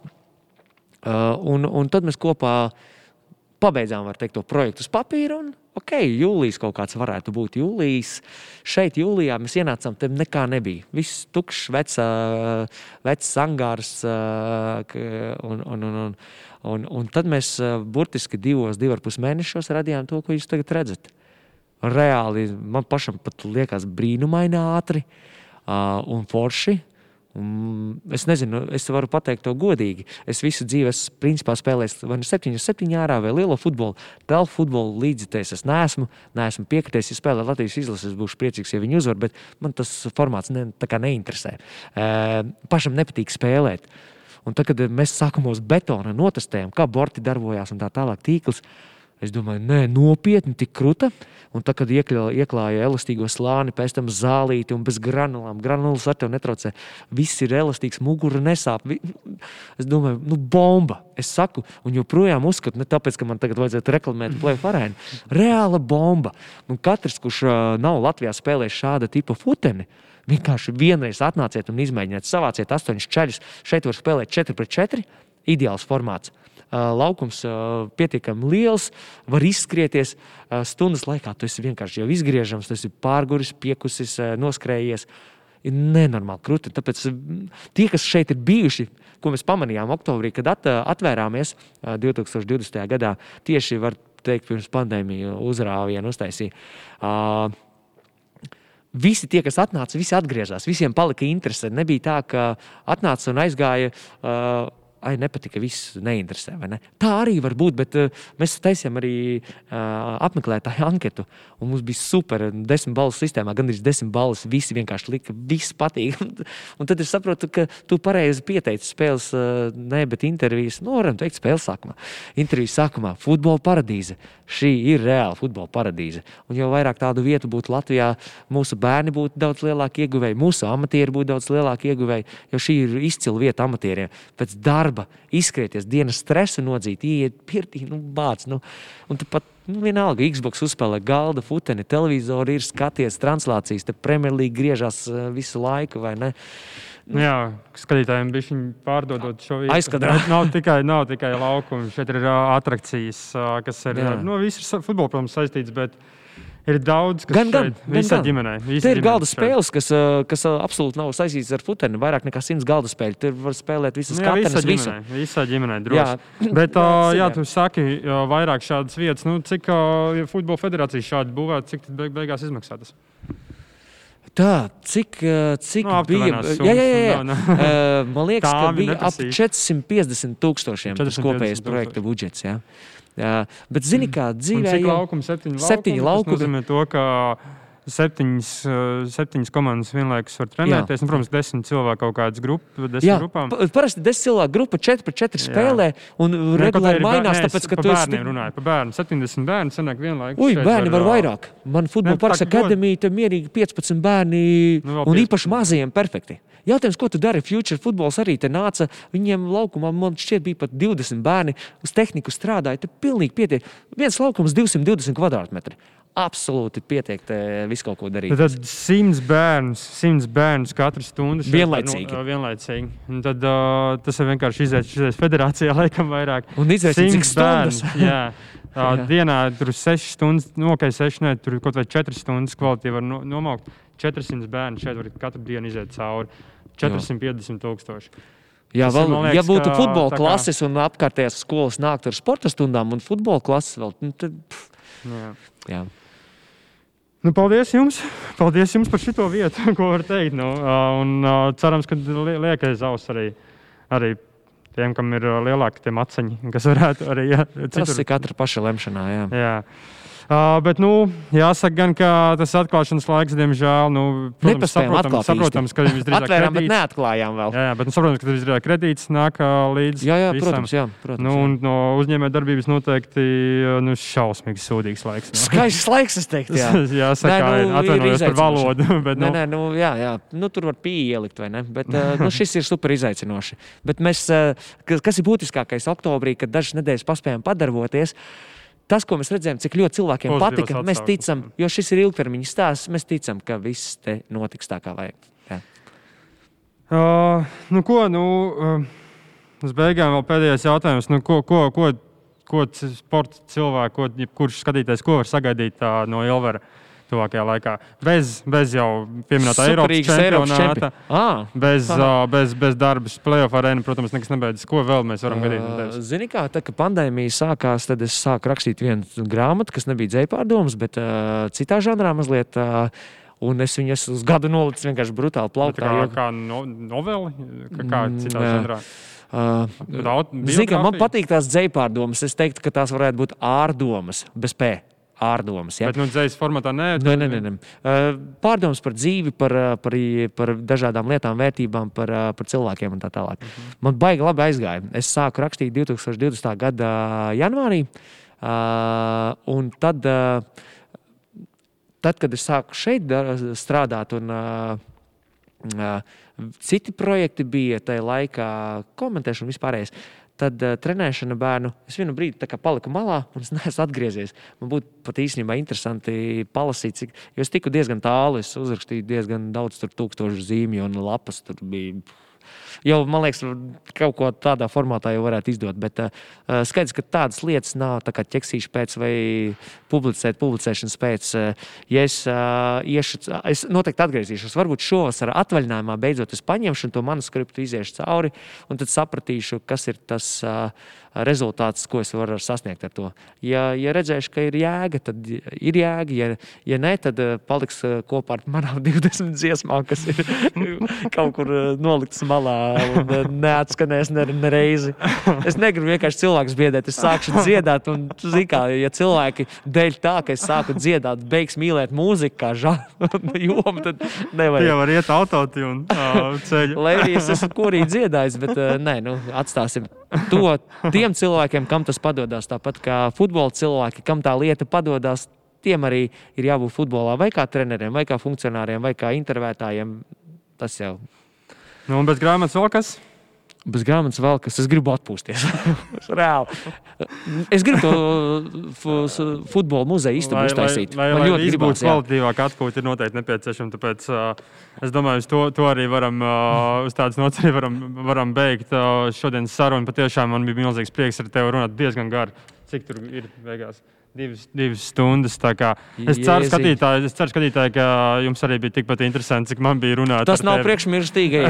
Jā, bet uh, es ceru, ka jūs uh, izturējāt šo laiku. Es domāju, īstenībā mēs varētu turpināt to, ko iepriekš. Ja jūs izturējāt, ieliekat fire emoji apakšā zem vi- video, ja jūs esat izturējuši sarunu. Uh, kā, jā, paldies, paldies, Paldies tev, tev. paldies skatītāji jums, ka bijāt kopā ar mums. Uh, Atgādināšu, pateiksimies ļoti, ja uzspiedīs īkšķi augšu zem šī video, ja abonēs mūsu kanālu un uzspiedīs to mazo zvaniņu, kas ir blakus abonēt pogā, līdz ar to tu nepalaidīs garām visu arī nākamo mūsu saturu. Vēl, vēlreiz, Ilver, paldies tev! Milzīgs, Paldies tev, ka- paldies Līvonam, lai jums viss izdodas. Jā, paldi- paldies. Un, uh, skatītāji, ar jums bija kopā Edgars Andersons. uh, Un nu, tiekamies nākamajā Līvona runā epizodē. Lai tev foršs vakars! Ātā!